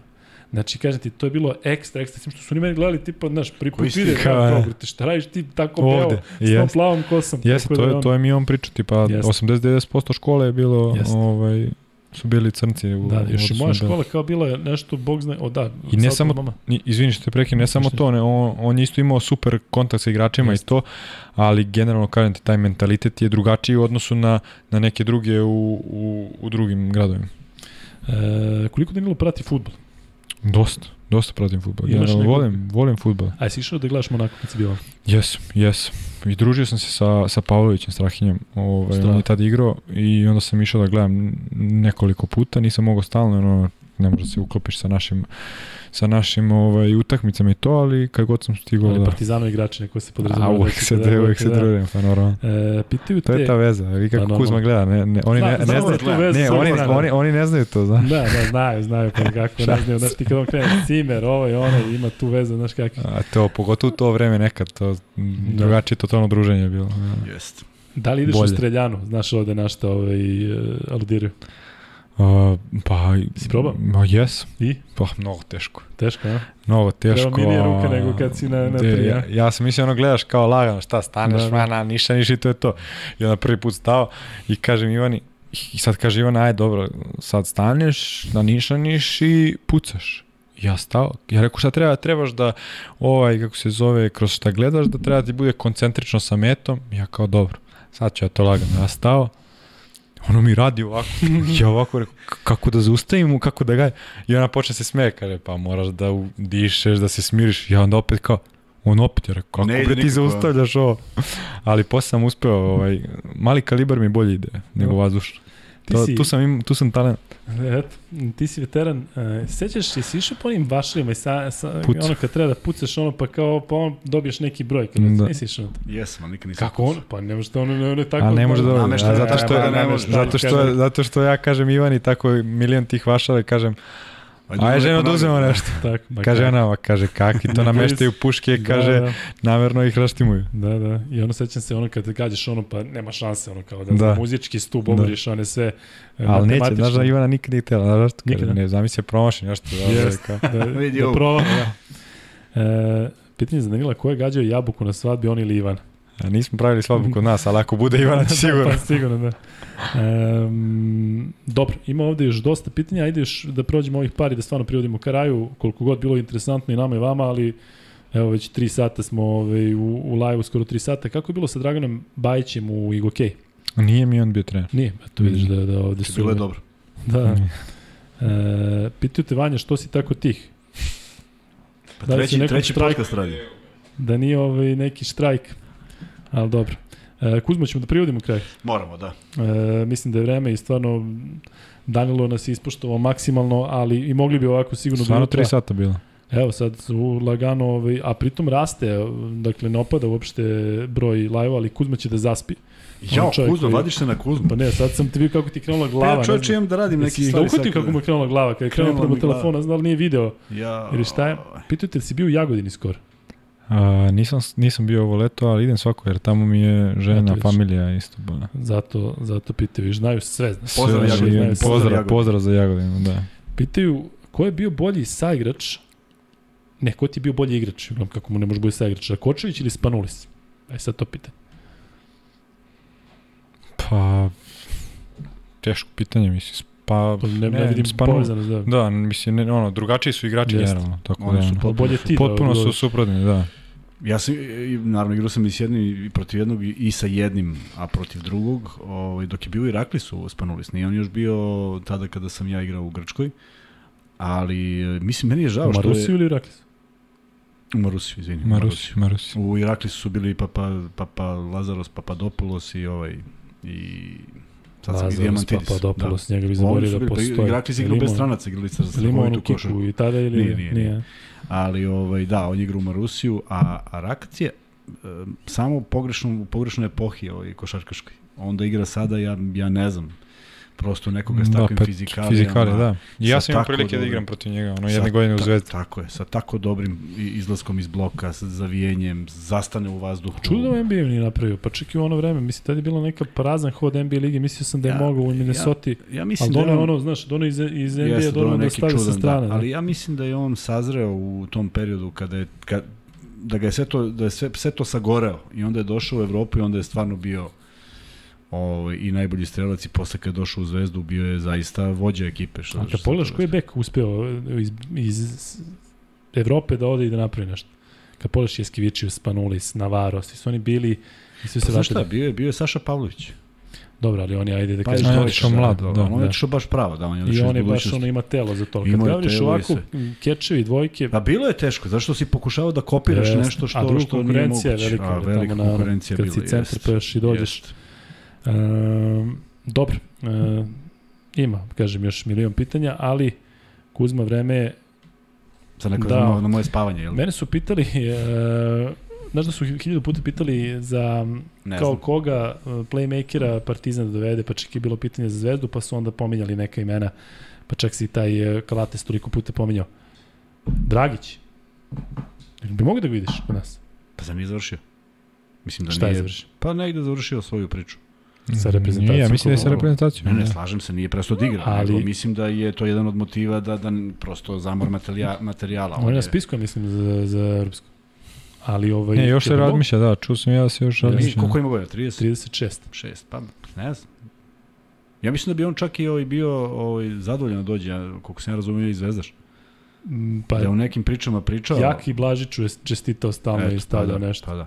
Ne znam, ne znam, samo tu brinu samo godine i, i broj utakmica koji, koji postoje. Ali igrao je prošle godine u Brooklynu petorku. Da, ali ja mislim da se generalno ta granica godina jako pomerila. Jeste, pomera se. Pogotovo, evo, Da. gledaj, svi, sve se ekipe i vodeći igrači i nosioci su uglavnom preko 30 godina, što pre nije bio toliko slučaj. Je bio i u I sad se, je drugačije. da, i pomerilo se to da svi igraju duže i da su ti nekako najbolje godine tu tri, od 30. pa do 35. 6. i mnogi igrači, evo Sergio Rodriguez iz Milana ode u Jeste. potpiše ponovo za Real Znači, Madrid sa da, 36 da, godina, da. tako da Pišu da je potpisao za Chicago Dragić. Pitao ovdje koji Dragić, pa ne Zoran, Goran. E, a pazi drugo, drugo e, ime. Campazzo. Facundo. Pa je, on je strahovit igrač, ali... U Denveru je on završio Dobro. dve sezone, uzeo lovu, uzeo 3 miliona, mislim, po sezoni i neće moći da potpiše u NBA ligi i treba da se vrati. U Real neće sigurno da se vraća. Kako Mislim, znaš da neće? Pa kako da se vrati kad imaš tamo Pa pa ne četvoricu? Pa ne znam. Evo neko sad, ko će tu koga? Da Ljulj neće, da, da, da pomeraju, ne znam Ne šta. znam, zaista. Znači, Kampacu Partizanu ne dopada ti se? Ne, dopada, on mi se dopada kao igrač. Potpuno neka neviđena energija sa svim onim Pa nedostacima koje ima I igra ima tu fenomenalno. argentinsku emociju, mislim da bi se uklopio, Slažem se. uklopio dobro. Zašto smo ranije su nas pitali, pa smo onda neki igrači, pominjali smo mm, Reglanda Da, koji ipak tako nije se- na tom nivou. Da, viš tako se oslobodi neki igrač, ne sanjaš da će biti o, slobodan. I Peyton mi je okej, on je trenutno A slobodan. šta je s Pengosom? Šta se s njim desilo? Jel ti znaš da je Pengos? Pa pričalo se Ne, da. a pričalo se za Milano da je. Ali kao nešto će na pozemicu da ide, isto kao... Da. ovaj, Da, Da. bio potpisao za CSKA. Za CSKA, Da, da, da. da. I on je Milutin. Onda se desilo ovo što, to što se desilo i onda... Dobro, Dobro, a? dobro je, ja mislim da je stvarno dobro. Uh, Danilo, hvala ti puno. Dakle, Hvala vama, da, bilo je uživanje. I to nadam je pr, prvi podcast. Prvi, podcast, tako biće da još, otvorio biće još poziva, nema. Da. Bio nam je Luka i Luka je bio prvi. Luka Mitrović je bio prvi. Jeste, da. Uh, a nevjerojatno koliko se podcasta sad pojavlja. Raznih To je, tema. to, to je još jedan trend koji ja to je, u, koji je u, u, na zapad ono, što je normalna stvar, što kod nas nije bilo. I, a E, jako dobro, mislim, jako je zanimljivo. Evo, meni Jeste. večeras ono, o- ova neobavezna priča, a prođe sve teme, jako je ono zanimljivo. E, nadamo se da će doći onda opet, tipa kada budemo pravili neku, neki jubilej ili tako nešto. Mi sledeće nedelje imamo jubilej, to znaš da moramo da napravimo nešto da smislimo. Smo obećavali neke majice, si ti si pričao Ja, svašta. To si sve ti obećao. Ti si obećavao i rekao imamo i krene da logo obećava. i sve. Um, Pitaju te ovde da daš neke informacije iz Partizana koje ne znamo, ali malo, malo teže će to da ide. Možda nama da posle, Ne. ali ovako te, te Teše kaže, evo je Crni Grobar sa svojim informacijama odmah. Real ima preča prava na kampacu u Evropi, kada bi se vraćali oni bi imali prednost. Da, ali nema Čovjek šanse. radi da... negde, čovjek radi neku košarku ne, ne, negde samo svuda. košarku, da, da. Tako da on, čim Svaka ja nešto čast. kažem i nešto, opet Opa, eh, izlazi. cep.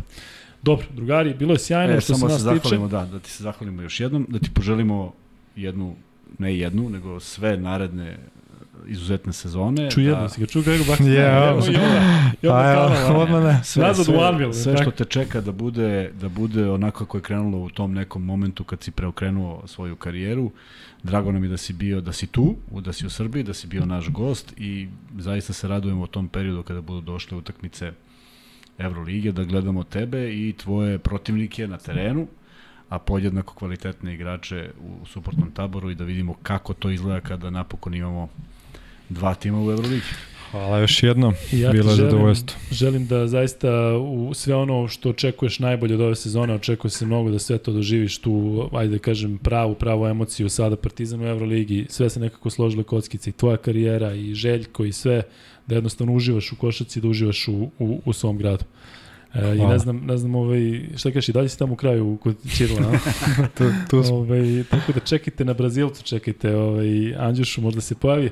Šal na stranu, hvala vama puno, 49. izdanje, nama je bilo super, Danilo kaže da mu je bilo super, vidim i da je vama bilo sjajno, tako da nadamo se da će I veliki da... pozdrav za sve, nisam pozdravio Tako. sve gledalce i slušalce. Hvala svima, pa se vidimo. Hvala.